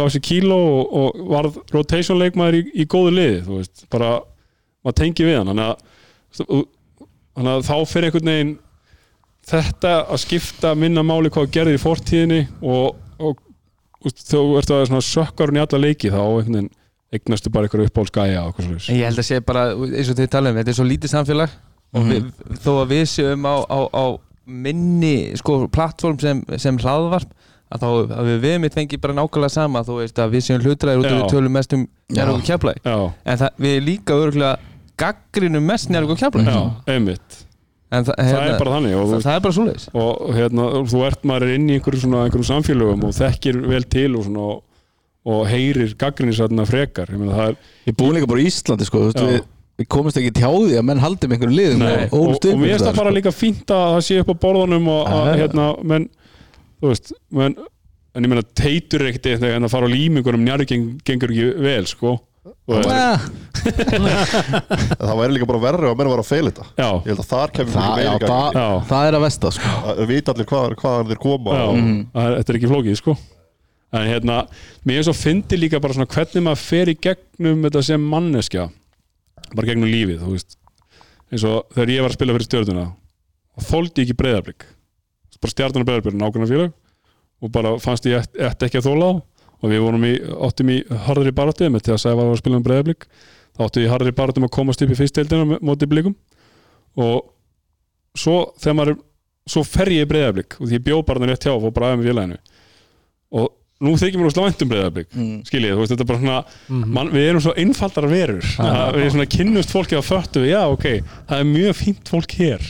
Og eftir því sem að maður er í betra sambandi við þú veist, alla, það, það ætla öll félag að gera vel. Það ætla öll félag að veist, vinna titilinn eða halda sér uppi eða komast í úslakefnir hversu markmiðin eru og það, veist, það vilja allir í grunninn vera vinir og svo er bara einhver svona miskilningur sem að íti fólki í sig ykkur áttina og þetta atvik sem koma upp skilji kærur eða eitthvað svoleið sem að íti fólki sundur. En ég held að ef allir myndi setjast niður þá, þá sé allir með svona mjög svipið markmið sko. en sem er skemmtilega punktur að þú pælir í sko budgeti og, og öllu svona í kringum þessi félög að við séum með tólið efstu dild og það eru 8-9 lið sem er stefn á titilinn. Já, það, það er eiginlega bara algjörlega eins og var í sko. vetur. Já, Já, veist, það var rosalega vetur maður, djúðlega leðið þennan enda svona. Já, En hérna eh, bara svona eitt svona uh, við við erum að klára þessa gaggrinni að hérna sem kemur inn á uh, hversu mikið ef eitthvað þetta er svona fróðlegsspurning frá, frá mér uh, bæði var það til sérfræðingana bara með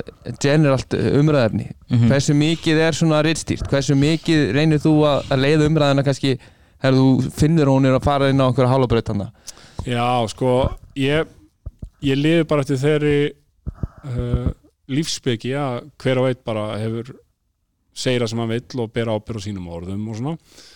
Þetta, það sem ég hugsa bara alveg með þetta er skemmtilegt og tæmingarna séu góðar ef menn vilja segja eitthvað, ég meina Fannar Jónni láta oft hluti flakka sem er bara svona, já ok, ég hef ekki sagt það kannski.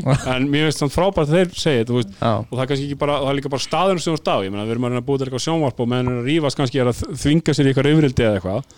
Og, og Kitty og Teitur sjá eða þú veist, og Hemmi eða Jónni, bara hver sem er sjá eitthvað hluti við leikin sem að ég sé ekki. Þannig að uh, svona taktíst bara er þetta bara open slate. Í það sem ég geri er að ég bý til beinagrindina svona umræði beinagrind fyrir hvern einasta þátt og hvern einasta leik sem við erum að ræða.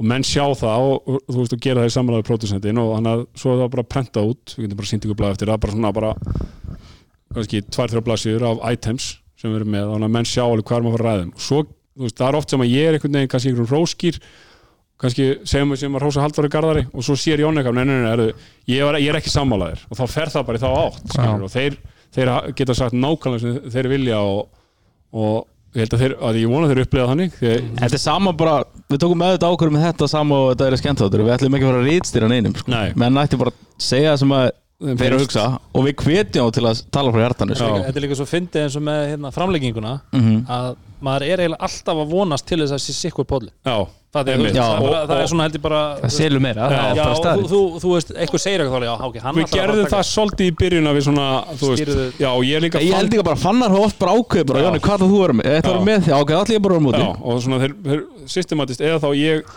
hugsaði topic sem að ég vissi að þeir voru ósa, ósamálum en og það er dæmi um gaggrinni sem er svona internal gaggrinni sem við erum bara að vera að skoða eins og þegar það eru þrý sérfræðingar þá pínu fer framlíkingin, þá hættur hún að vera rifrildi og fer að vera bara svona við að, að krifja eitthvað topic í eina mínútu Mhm. og erum bara að gera það saman og það er kannski, þú veist, og ein pælingi sem komið það var bara að láta bara menn bara að sæna og bara þú far hálfmyndi hér, þú hálfmyndi hér svo næsta þá far þessi hálfmyndi hér á móti þessum og að þetta sé áfram þessar rökgræður og þú veist, þannig að það er eitthvað fyrir næsta tímabil, þú veist, það er svona litla breytingar en En það er eitt skipt sem ég man eftir sem við rítstýrum Og það var þegar Jonni var með power rankings og ætla að setja Davíð Pál sem besta mið þegar hann í deildinni.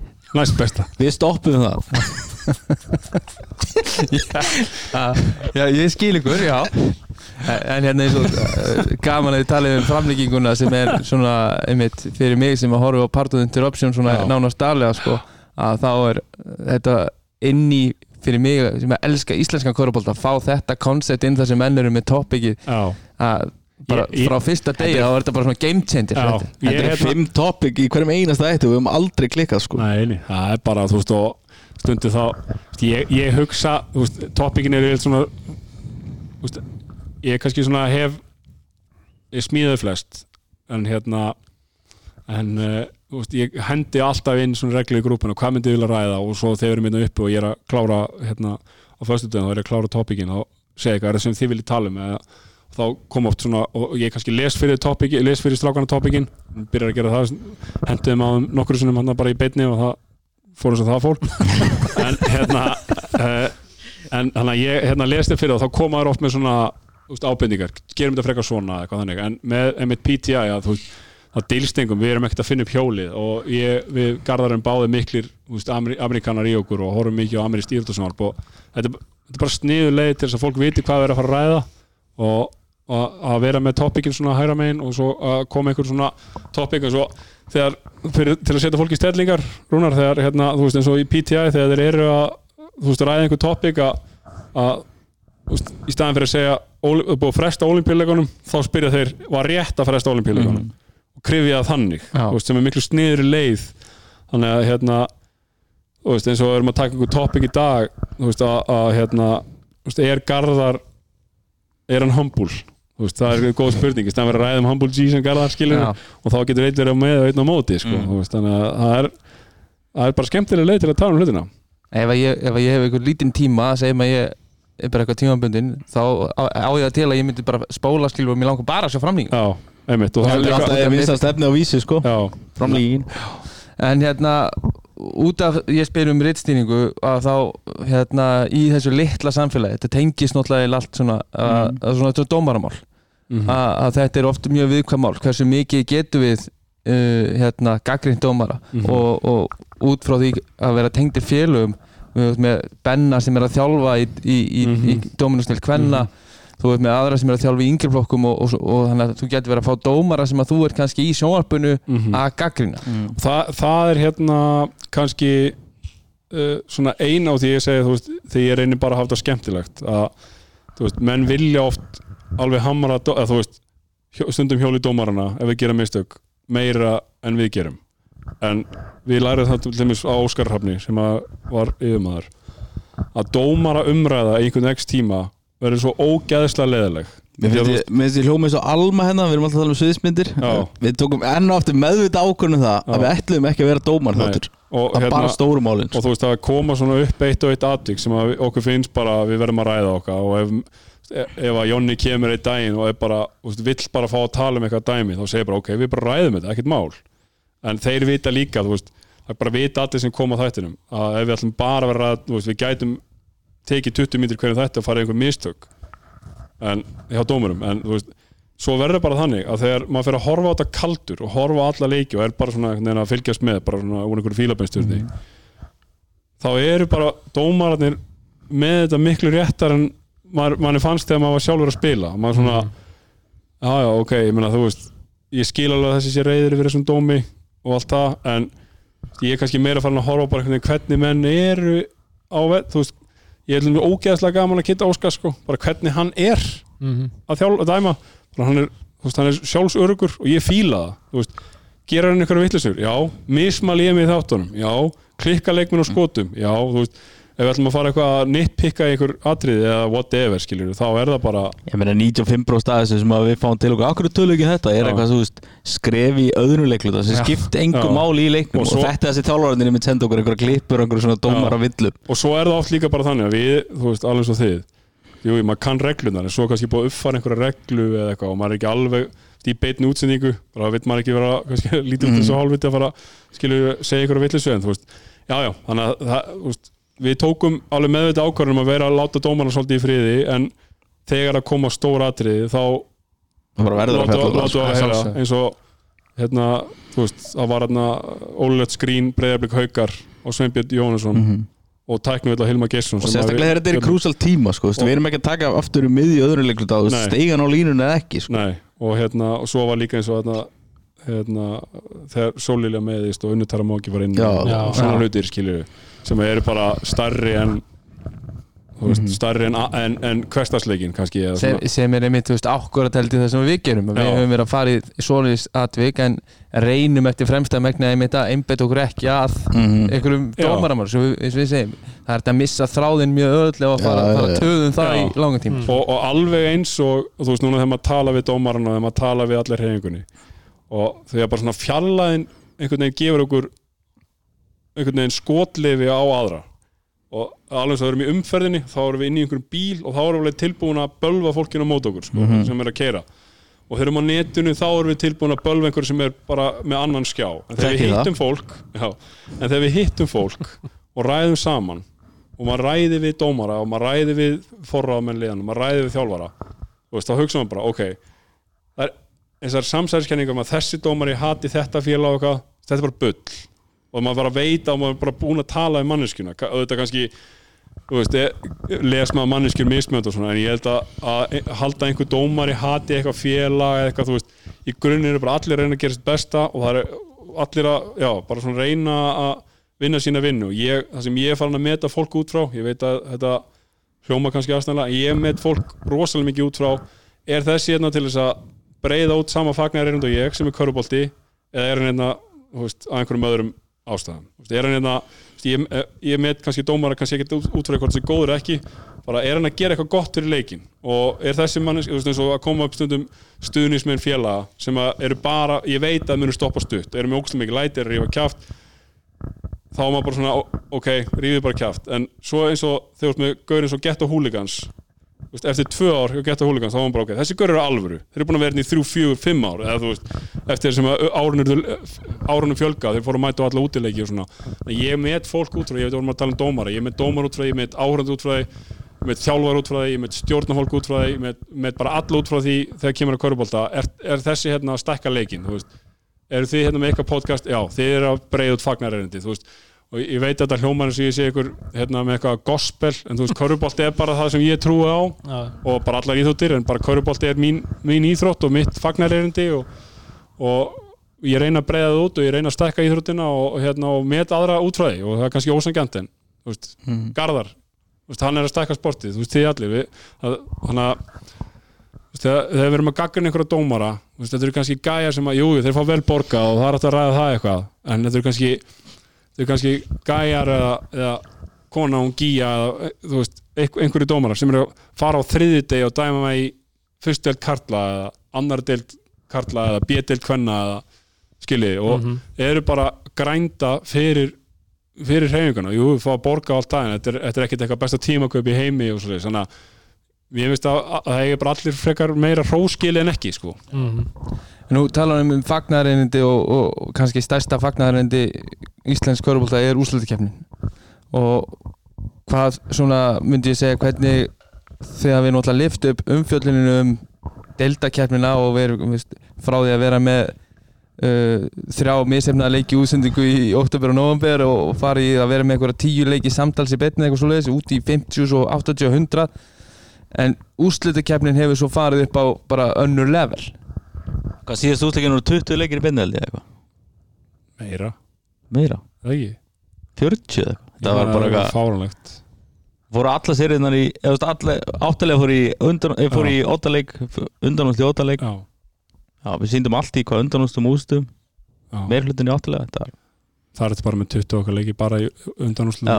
sko. þetta var Og, þi og þeir eru náttúrulega farnir að breyta leiknum þeir eru farnir að færa köruboltakvöldi eins og þeir töluðum á hann inn í íþróttahús. Já, veita fólki meiri einsýn og hérna, þetta byrja náttúrulega þannig að við vorum svona Við gerum þetta strax Já, vorum, tímabili vorum on the site svona og eins og í Njarvík þá vorum við í einhverju boltageimslu og, og grindaði líka, veist, það er bara ekkert pláss í þessum húsum og þá einhvern veginn svo kom þessi bilaða hugmynd að bara vera með færanlegt sett og vera inn á miðjunni. Svo erum við búin að vera svona með setti bara svona á, á hliðalínunni og þetta er bara, við getum verið allstaðar og rúlað okkur um og þetta er náttúrulega svakarett fyrirtæki að mm. þurfa að færa þetta allt á milli og svo er hann þessi útsendingabíl sem er hjút svo þetta er rosa, það er verið að dæla peningum í útsendingarnar og bara, hvað, hvað er margir á vakti í einu leiki í úslakendinni Svona 15 til 20 Já, og þannig að þarna og, stertum, við- og tökum henn að mæta í hátteginu og mm. er kljóðan 7 eða eitthvað whatever, skiljið þannig að þetta er alveg, þetta er svo stórt og, Þetta er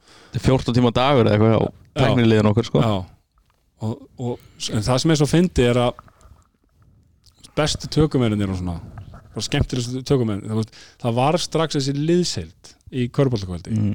og við erum strax einhvern veginn vinahópur og allir gæjarnir sem eru sérfræðingar eru rosalega svona inclusive persónuleikar. Eins og fannar, rosalega harður gaur en fannar elskar að vera góðu fólk. Og þegar hann kemur hérna og, og hérna kannski með pítsur með sér eitthvað þá lappar hann bara með pítsunar hérna að við upp í tæknifólki bara hérna, fáðu pítsu. Eitthvað svona, þannig að hann er alveg veist, og þeir eru allir svona, þannig að það kom strax krafaviti á garðar. Það voru bara tæknimenn og tökumenn sem pöntuð að vera í köruboltanum og höguðu sínu vaktaplanin til þess að vera með okkur. Og til að setja í samengi að þú veist hljóðgýrin í úslækjunni okkur að meira aldrei var í idol stjórnuleit sko. Og sem er risa bara live production Wow. söngvakefni sko þannig að þetta er alveg stórt dæmi sko. þannig að hérna og, það, og þar erum við aftur með þakkið til fyrirtækisins að, að vera svona bakvið okkur og taka sensin á þættinum og íslenskum körubólta og eins og ég segi, þetta snýst alltaf um að breyða þetta fagnaröndi og, og úslutakefnin eru þetta bara geggið vara, ég meina sjáum bara þegar úsluta serían fyrir í ottaleik eins og gerst hvað, síðslegin fimm ár Grindavík og, og IR, Mati Káar og veist, það er bara við erum mætti kannski kljóðan fjögur og leikurinn kljóðan átta við erum verið að hitt bá, báði á, á laugadagi mann rétt. Og það er bara búið að vera að grilla borgar í Vesturbænum bara allan daginn og, og bara ilmurinn í loftinu og bara geggjað sko. Þannig að það er ógislega gaman að þetta er svona. Þetta er keisla sko, þú veist, Já. við erum ég man, þú veist, og síðasta tímabili sem var síðast tímabili mitt þá er ég með handballan líka. Já, þá var ég, Steppi og svo Halli, hérna Halli, tæknistjóri, Billy og Reyðar við vorum held ég bara 30 okkar dagir röð í útsendingu.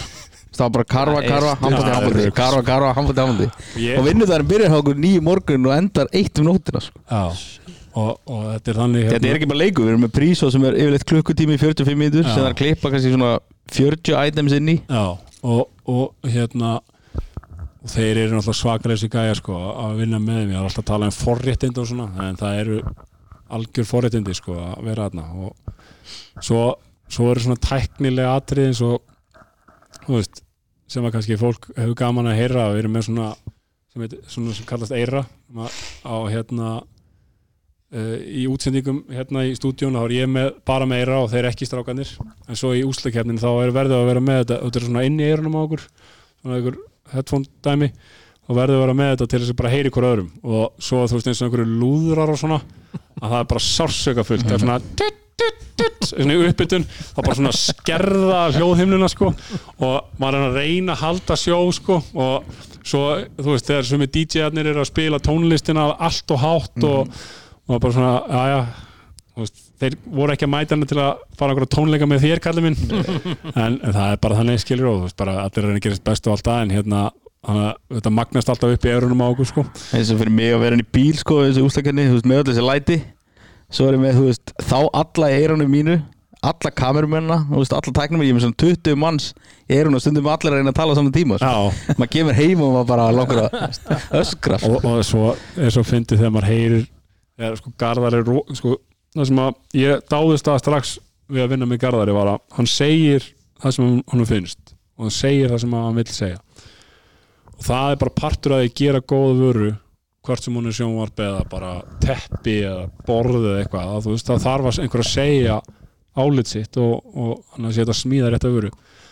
Og það er ekkert sem var meira satisfying þegar Garðar var með mann í útsendingu í úsleikjarninu og bara hvaða helvitis ram með þetta? Láta tökuminn að heyra það sko. Og kannski gauðra sem við í fænit 15-20 ár þeir fíla þetta líka, veist, þeir vilja bara láta stýra sér og bara segja, þú veist og svo líka bara þróunin er að, að ég manna, við vorum að skoða einhverja gamla myndir Garðar svona, hérna í síðustu viku eða þar síðustu viku af hvernig það var í úsleikjarninu, þá var Garðar búin að prenta út andlitsmyndir af leikmönnum fyrir tökumennina sem hann hengdi á myndavelinnar Ég svo þið getur vitað, þú veist, ef maður kallaði herri, ég þarf að mynda haukalka eða eitthvað skilur þú getur farið beint í hann og vita hvernig það lítur út. Þeir þekktu þetta ekki í byrjun skiljiði.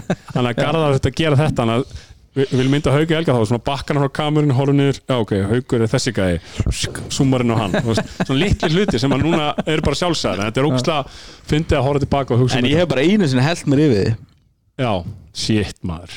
Það var í úslakenni út í KR þá, nei, nei, það var tvisvar, líka grindaðik Já, ok, en allavega út í KR Þá eru svona tími í dráfum í loftu Ég er ekki búin að ná í neitt sefræðing og ná í, í kjartan Svo loksist næ Og Jonni er náttúrulega að segja Hvað segir elskar mér maður? Ég bara, hvað er í anskotanum er það? Það er tími í fokkin útsendingu? Nú, ok, við erum bara um á kaffi vest að chilla maður. Hvað er eitthvað stress? Garðar lit, sko, það, ástæðan fyrir ég myndi eftir þessu er að því ég slökti á það síman ég vissi að þetta var coming, sko þannig að ég bara dreif mig upp eftir.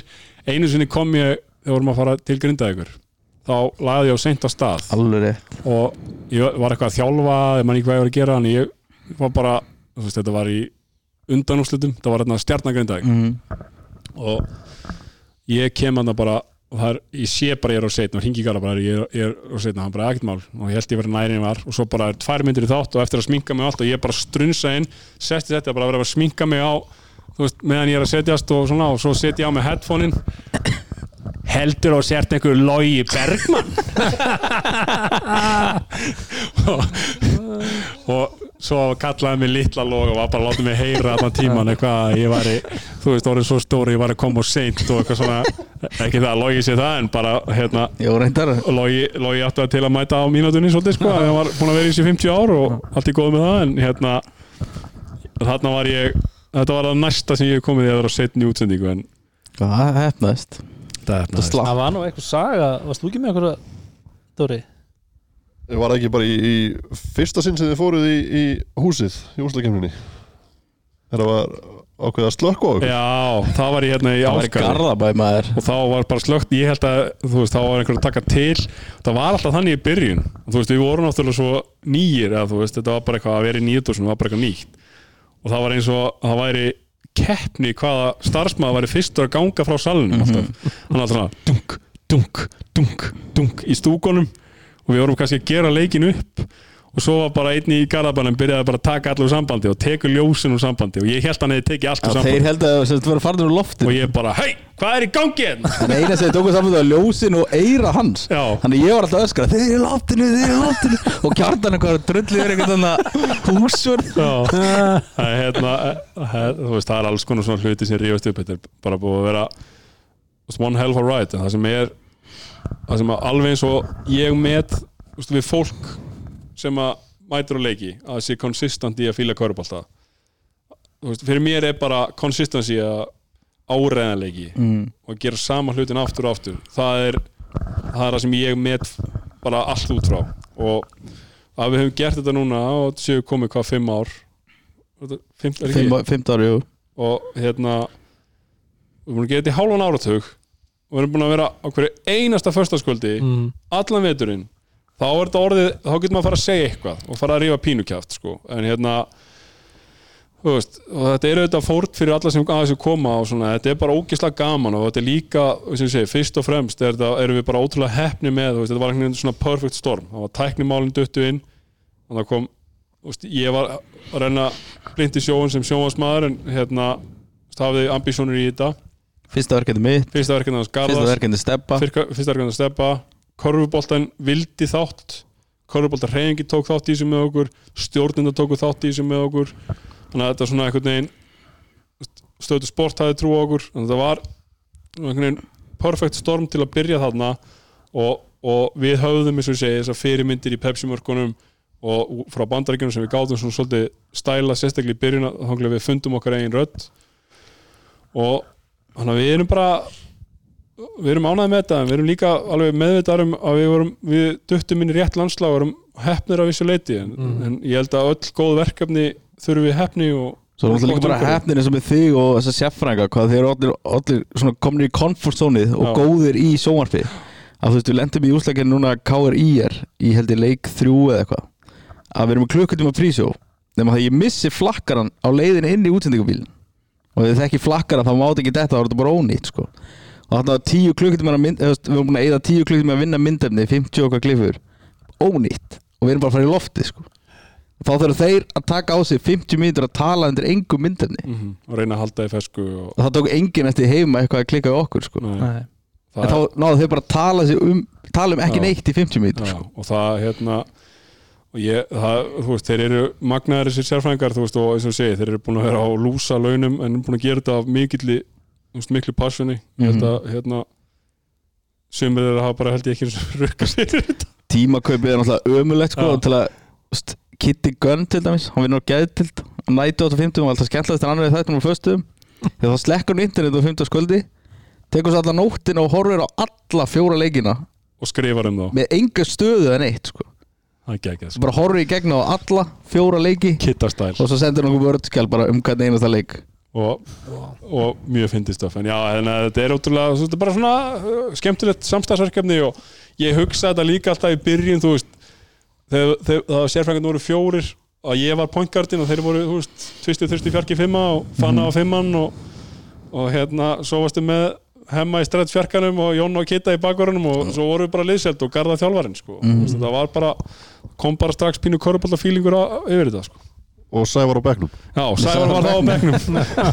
En hérna hann er einu gauri sem komist inn í þáttinginu Twitter. Já, við erum bara alltaf að tweeta, live tweeta meðan þáttur í gangi. En svo hérna erum við líka búin að vera þú veist Við vorum með Rögnu Margeti, við vorum með Pálinu, við vorum með Kitta Jónasar og, og hérna við erum alltaf svona að prógur áfram prófa líka okkur sko. áfram og sjá hverjir getur ég meina það er engin eilífur, ég hugsa líka alveg fyrir mig skilur, ég meina hver getur tekið við að mér þegar ég, ef ég vil fara að gera eitthvað annað og vil fara veist, að gera eitthvað annað á föstum en, en, en sem komið finnst mér þetta ógustlega gaman en maður þarf alltaf að hugsa svona aðeins leikið fram í tíma því að bara öll verkefni sem maður startar maður vill að þau lifi áfram. Og þannig að maður svona hugsa ok, hver getur komið inn inn og gert þetta einhvern öðru sig gert það jafnvel betur, getur við, getur við gert eitthvað betur getur við hérna, fjölgað þáttum eða getur við bætt umfjöllun? Getur við bætt hvernig umfjöllun? Getur við bætt hérna, veist, getur við bætt við fyrstöldin einhvern tíman það er alls konar svona pælingar og þú veist, maður þarf alltaf að vera að spyrja sig að þessu og alltaf að vera að íta sér áfram. Eina sem við erum vel þreytir á er að alltaf í lók hérna, uppáðslókun sem það káar að lyfta dollinu sko. við þurfum að fá þetta nýja þar sko. Það er að breyta því. En, en þessi arfleið sem, að þau, samt, sem þeir eru búinir að búa til og þú getur farið tilbaka hversu fljótt þið voru búin að búa til þessa play-offs menningu Mhm. að þú veist, ég hef hugsað að fyrir svona þremur, fjórum árum síðan þá mann ég eftir þeirri útsendingu þar sem þú ert að tala um það að þú veist, við verðum hérna í beinni þú veist, næstu 17 daga Já. það er bara 17 dagar í röð sem var leikur í beinni. Mm. og fyrir fullt af fólki þá er þetta bara sjálfsögða hlutur á meðan kannski fyrir okkur og, veist, sérstaklega kannski fyrir þig sem að hérna er keflingingur fjórfald framlegging í, í DHL Þú veist, að, þetta var bara ekki sínt það er 2009 Já, það er ekki langt síðan. Nei, Nei, það er ótrúlegt. 2013 eða ekki? Það er 2009 2009 2009, já, hún er ekki til út af ædolunu Var ekki ædol, já. Já, þetta er, þú veist, og þetta er nefnilega menningin og þú veist, maður þarf líka ofta að minna sig á þetta þú veist, þegar fólk er kröfuhart og svona bara er, það er, er ekkert langt síðan þetta var og, og, og ekki neitt og þegar fólk er að bögga okkur þá hugsa maður bara ok, þú veist, það hefur fólk sendt mér hvernig á að gera sjónvastætti sko við bara erum, ok, við erum búin að gera þetta, ég held nokkuð vel. Ég held að, þú veist, ég kunni þetta ágætlega. Takk fyrir þitt input og ég skal skoða það. En uh, þú veist, og fólk sem er í annari vinnu sko. Þannig að það, það er bara svo það er. En hérna, ég held að talandi um arflið, þá er það líka, þú veist ég horfi á út í verðum að hérna, gefa sjárátt það sem að byrja þetta allt er náttúrulega nonni á kö- körfunni og skúli og Mhm. karma.is Mhm. það er the OGs í þessu sko og, og hvernig þeir byggðu, byggðu hérna, sinn vefu upp geggjar og mér, ég fíla þú veist, þú veist það er ekkert eitthvað svona veist, það er svona holl samkeppni, þú veist, Karvan er með alls konar skúp og svona sem að hérna, Vísi var auðvitað til að vera með en ég held að Vísi sé ald, þú veist, Vísi vill alltaf hafa korfuna og Körbóltakot vill alltaf hafa korfuna.is og, Ka- og Karvan.is vill hafa Körbóltakot og svona einhvern veginn mutual respect og, og hérna, ég hef gaman að því og hérna, og, og horfið tilbaka á sérstaklega nonna og skúla sem að voru í þessi gamla dag og maður bara er með tárvóta augur þökkum til þeirra gæja sko. En við erum með hérna nokkra punta. E Eitthvað punktu var út af því að við erum að tala um stundvísinni hjá, hjá Fannari. Nei, hérna hjá Kjartani.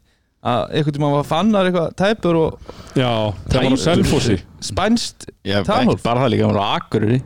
Það- Já, hann, það- hann hefur sko flóið hann fatt á miðin degi að hann ætti að vera og flög Og Já, hérna hann mætti í þann þátt ég- Já, Já, já, einhver tíman var hann, hann komið til útlanda. Palla Kristins og konu, konunum þeirra sko.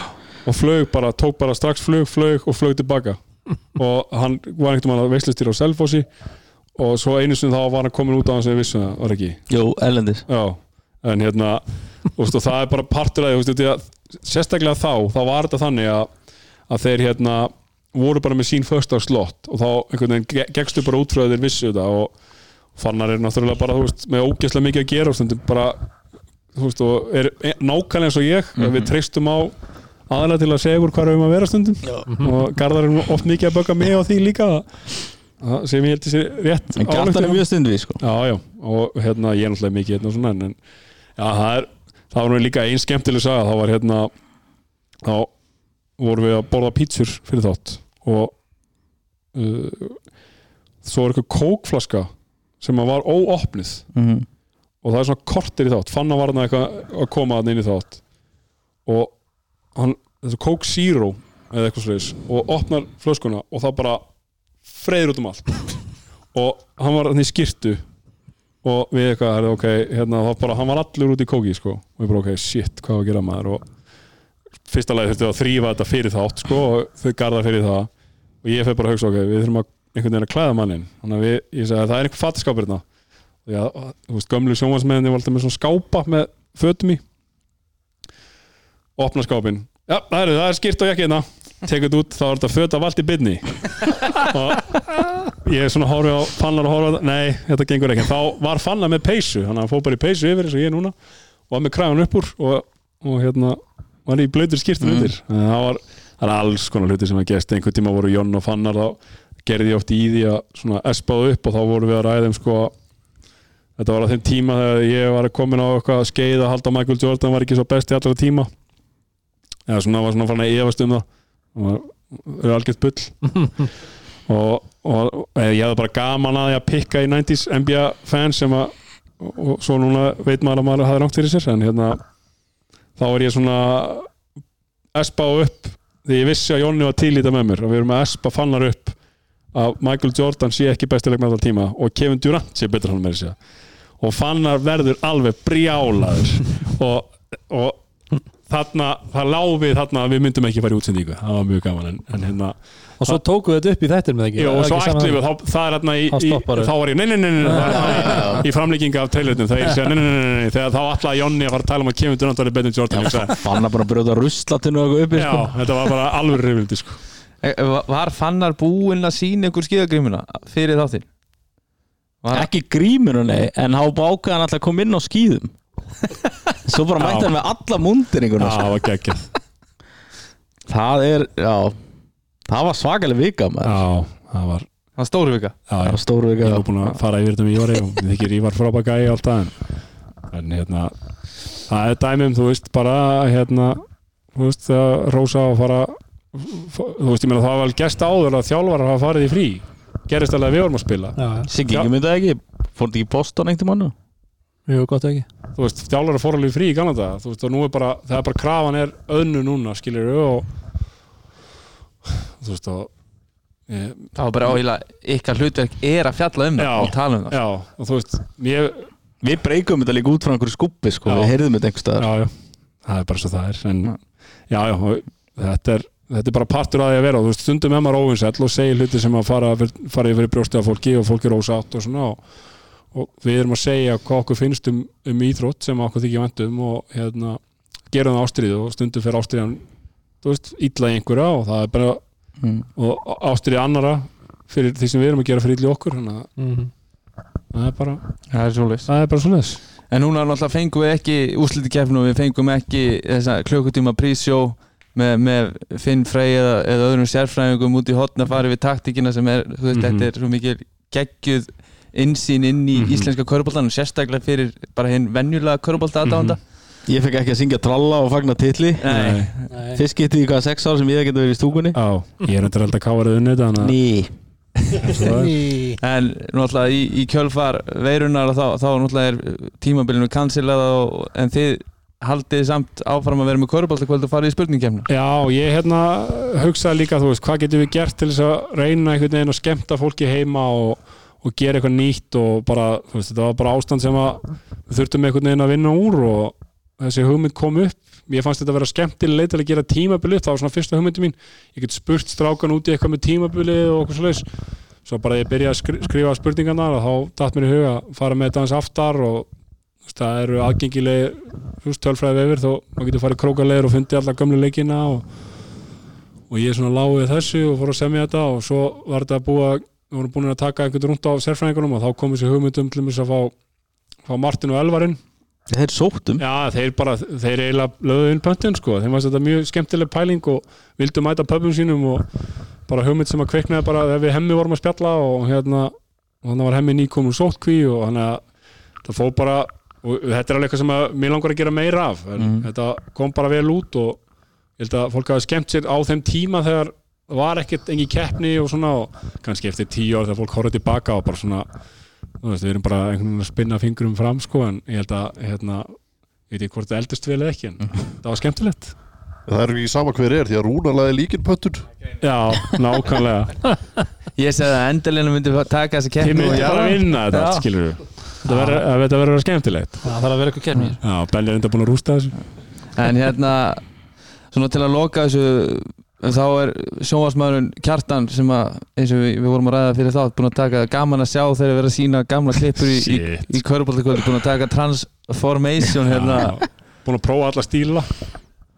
Hérna, já, já, ég var 105,5 kíló hérna þegar ég var þingstur Já, mist Og- laufu og allt. Með slaufu og, og sítt skegg eins og ég var að vinna á Kormak og skildi og hérna prófaði allan, allan, allan skalan sko. svo hérna var að fór ég nýri í playing weight og rakaði mér hausinn og mér, mér finnst þetta óþægilegt sko, því ég er að horfa á þetta en ég meina, þetta er bara svona var ég og Segðu sögurum frá þegar þú hittir áðan og byrjaði að körfaldkvöldur og talaði við loga. Já, það er góð saga hérna, það, það var sko fyrsta sjónskikið mitt og Garðar sé að reyna að skrifa sögun hérna, öðru hann er. Það, þú veist, ég var búinn að vera aðeins í TV ég var búinn að gera þáttum Sigurd Solstis sem var á vísi og, Það er ekki sjór og, hérna, og ég var búinn að vera með beina útsendingu frá Edduvelunum á stöðu 2 ég og Edda Sif, þegar hún var á stöðu 2 og þannig að það voru fyrstu, það var í februar 2015 það var fyrsta sjónvarsútsendingi mín svona á einhverju alvöru, ég var búinn að koma að eitthvað Ísland í dag vikulega með eitthvað, með eitthvað einslag og svona. Og, og ég er að fara í útsendingu og Logi og ég klik, bara svona klikkuðum strax. Við erum svona góði félagar og Logi hefur alltaf verið svona minn mentor í sjónvarsmennsku, ég held að sé ekki að hafa mikið betri mentor, svo allra besti. Og þarna erum við í matsalum 2015 og ég segi við Loga, erðu, ég er að fara í fyrstu beinu útsendingunum mína. Þetta er með eitthvað tips fyrir mig. Og, og hann segir, já horfðu alltaf beint í myndalina ekki horfa undan, því að annars ertu sért aumingi og sért trætt, eða þú svona, sért svona óörugur og sért ekki viss um hvað þú ert að segja. Þannig að horfðu bara beint í myndalina, myndalina og augun og fólkinu heima. Og er alltaf gott ef fólk horfir í augun að það talar ég bara ok, svo horfði hann svona á mig. Svo máttu missa svona 6 kíló. Og, og þá segi ég þetta er á þriði degi, ég segi þetta er á föstudaginn. Horfðu beint í myndalina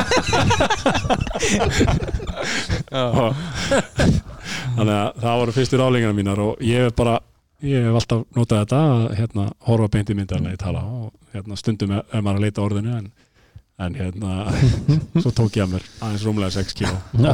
Sjárat á keto og, og núna ertu náttúrulega bara daglegu gestur, hvort sem það var í íþróttafréttum en, en svo kannski síðasta það sem er búið að koma mitt út frá góða sem hefur komið út frá COVID. COVID er, er þessi daglegi þáttur sem að þú og Henry Birgir eru með sporti í dag. Já, það er bara virkilega skemmtilegt og þetta var svona hugmynd sem ég hef búin að pizza Garðari og við, ga þú veist, við Garðar erum alltaf að velta steinum. Og ég meina, ég held að Garðar, hann getur opnað innhólið sitt núna og hann fekk post 1. janúar 0027 því að mér leittist á áramótunum og ég fór að brainstorma nýja þætti og nýju ári og þannig að við erum alltaf að pizza einhver nýju þáttum og hérna í COVID þá kom upp þessi pæling Við og bara höfum aldrei tíma í við höfum aldrei neitt, haft tíma sko út af því að hérna það er bara alltaf leikir og mannskapurinn er í þessu allt í hennu bara opnaðist gat og við gáttum fyllt þetta gat og, og svona og, og það er bara skemmtilegt og ég mér finnst þetta gaman ég er náttúrulega Garða kam með fyrsta breykið, fyrsta stóra breykið og það gekk vel og ég er búin að fá að prófa mig áfram í alls konar fjölmjum, ég er búin að vera sko, skrifið blöðskrif og VF og svo útvarp sjónvarp og Það var ræst heldur mikið úr þér. Já, þetta hefur gengið ágætlega. Og hérna og, og fengið góð ráð frá góð fólki og þannig að þú veist að fá að gera þetta er náttúrulega brókislega gaman og þetta er náttúrulega erfitt. Og talandi um það er ég með mist kól frá henni bryggi núna. Eina skiptið, eða svona, ok, ekki eina skiptið sem ég svona virkilega vorkend er það er alltaf þegar við tökum hérna jólaáttin og lokáttin út í bæ ef einhver svona skemmtist það. Mm -hmm. því að seffrængarnar okkur eru svolítið svona þetta er Þeir þrýfast á, þú veist, að fólk sé að horfa á og hlæja, sko, og þú ert með áhverður í sal þá espast náttúrulega aldrei upp. Ég vorkin er aldrei eins jafn mikið og þeir eru með þeim þáttum, þeir eru að reyna að stjórna fimm fullornum kallmönnum sem að vilja rífa kjáft í hundra mínútur í látum bara, mér langar að bara knúsa þig, sko. Já, já. En það ert þú alltaf uppgefin eftir á þætti. að ég hata jólaðættina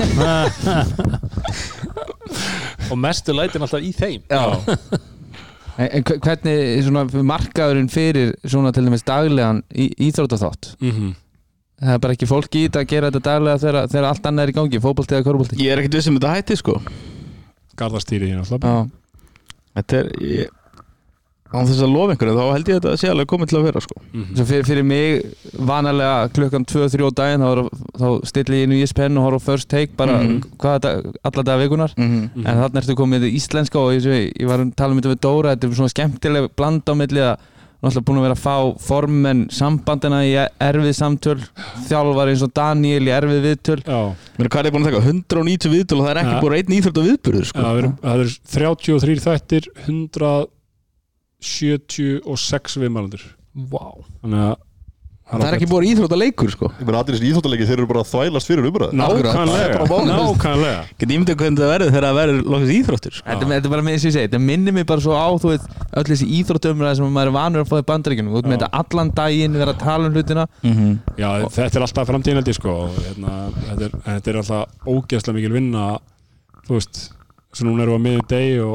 og ég, meðan við höfum talað hérna þá er ég búin að fá þú veist, 8 SMS og því ég er búin að leggja inn pöntunir á viðtölum og svona. Þú veist, þetta, maður er alltaf að en það er alltaf alveg eins og með körboltan þá er bara íþjóttarheifingin er bara tilbúin að vinna með okkur. Og gott að hafa eitt svona sérfræðing í bílskur í Vestmanni sem að kemur og Kára, málum. sjárat og kára.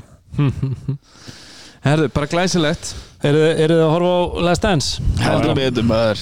Ég er nefnilega, ég mér langaði að pizza hugmynd já, það er nú. Já. Le, Leita í hérna uh, sem sagt, vinn okkur í Danmörku Mhm. þar sem að þetta er den síðustu túnering Já, minnst það geðveikt Já, að við fáum netto til að sponsora þetta á Íslandi Já. það verður síðasta nettomóti Lofið sem falskóri þetta með góða hugmynd í gæri Þetta er svona, við öll sem erum búin að körfu all læfi og lengur hætt og svona að vera síðast hönningi fyrir okkur. Já, með samlokum og svala og öllu þessu sko. það geggjast uh, ekki Herru, þetta var aldrei skemmtilegt. Já, gaman að vera með ykkur Já, svo þetta var mjög gáðan bara takk hérlega fyrir að að gefa ykkur tími í þetta. Ég veit að busy schedule Það er og bara gaman maður. Bara gaman. Allt fyrir ykkur dringir takk fyrir það. Ég held að, ég held að hérna, hlustundur endalinn verða ekki sviknir af þessu þetta Nei, Það er það bókamál Herru, við endum þetta bara vanlega nótum eða ekki? Jú, það er bara svo leiðis, I love this game. Love this game. Let's game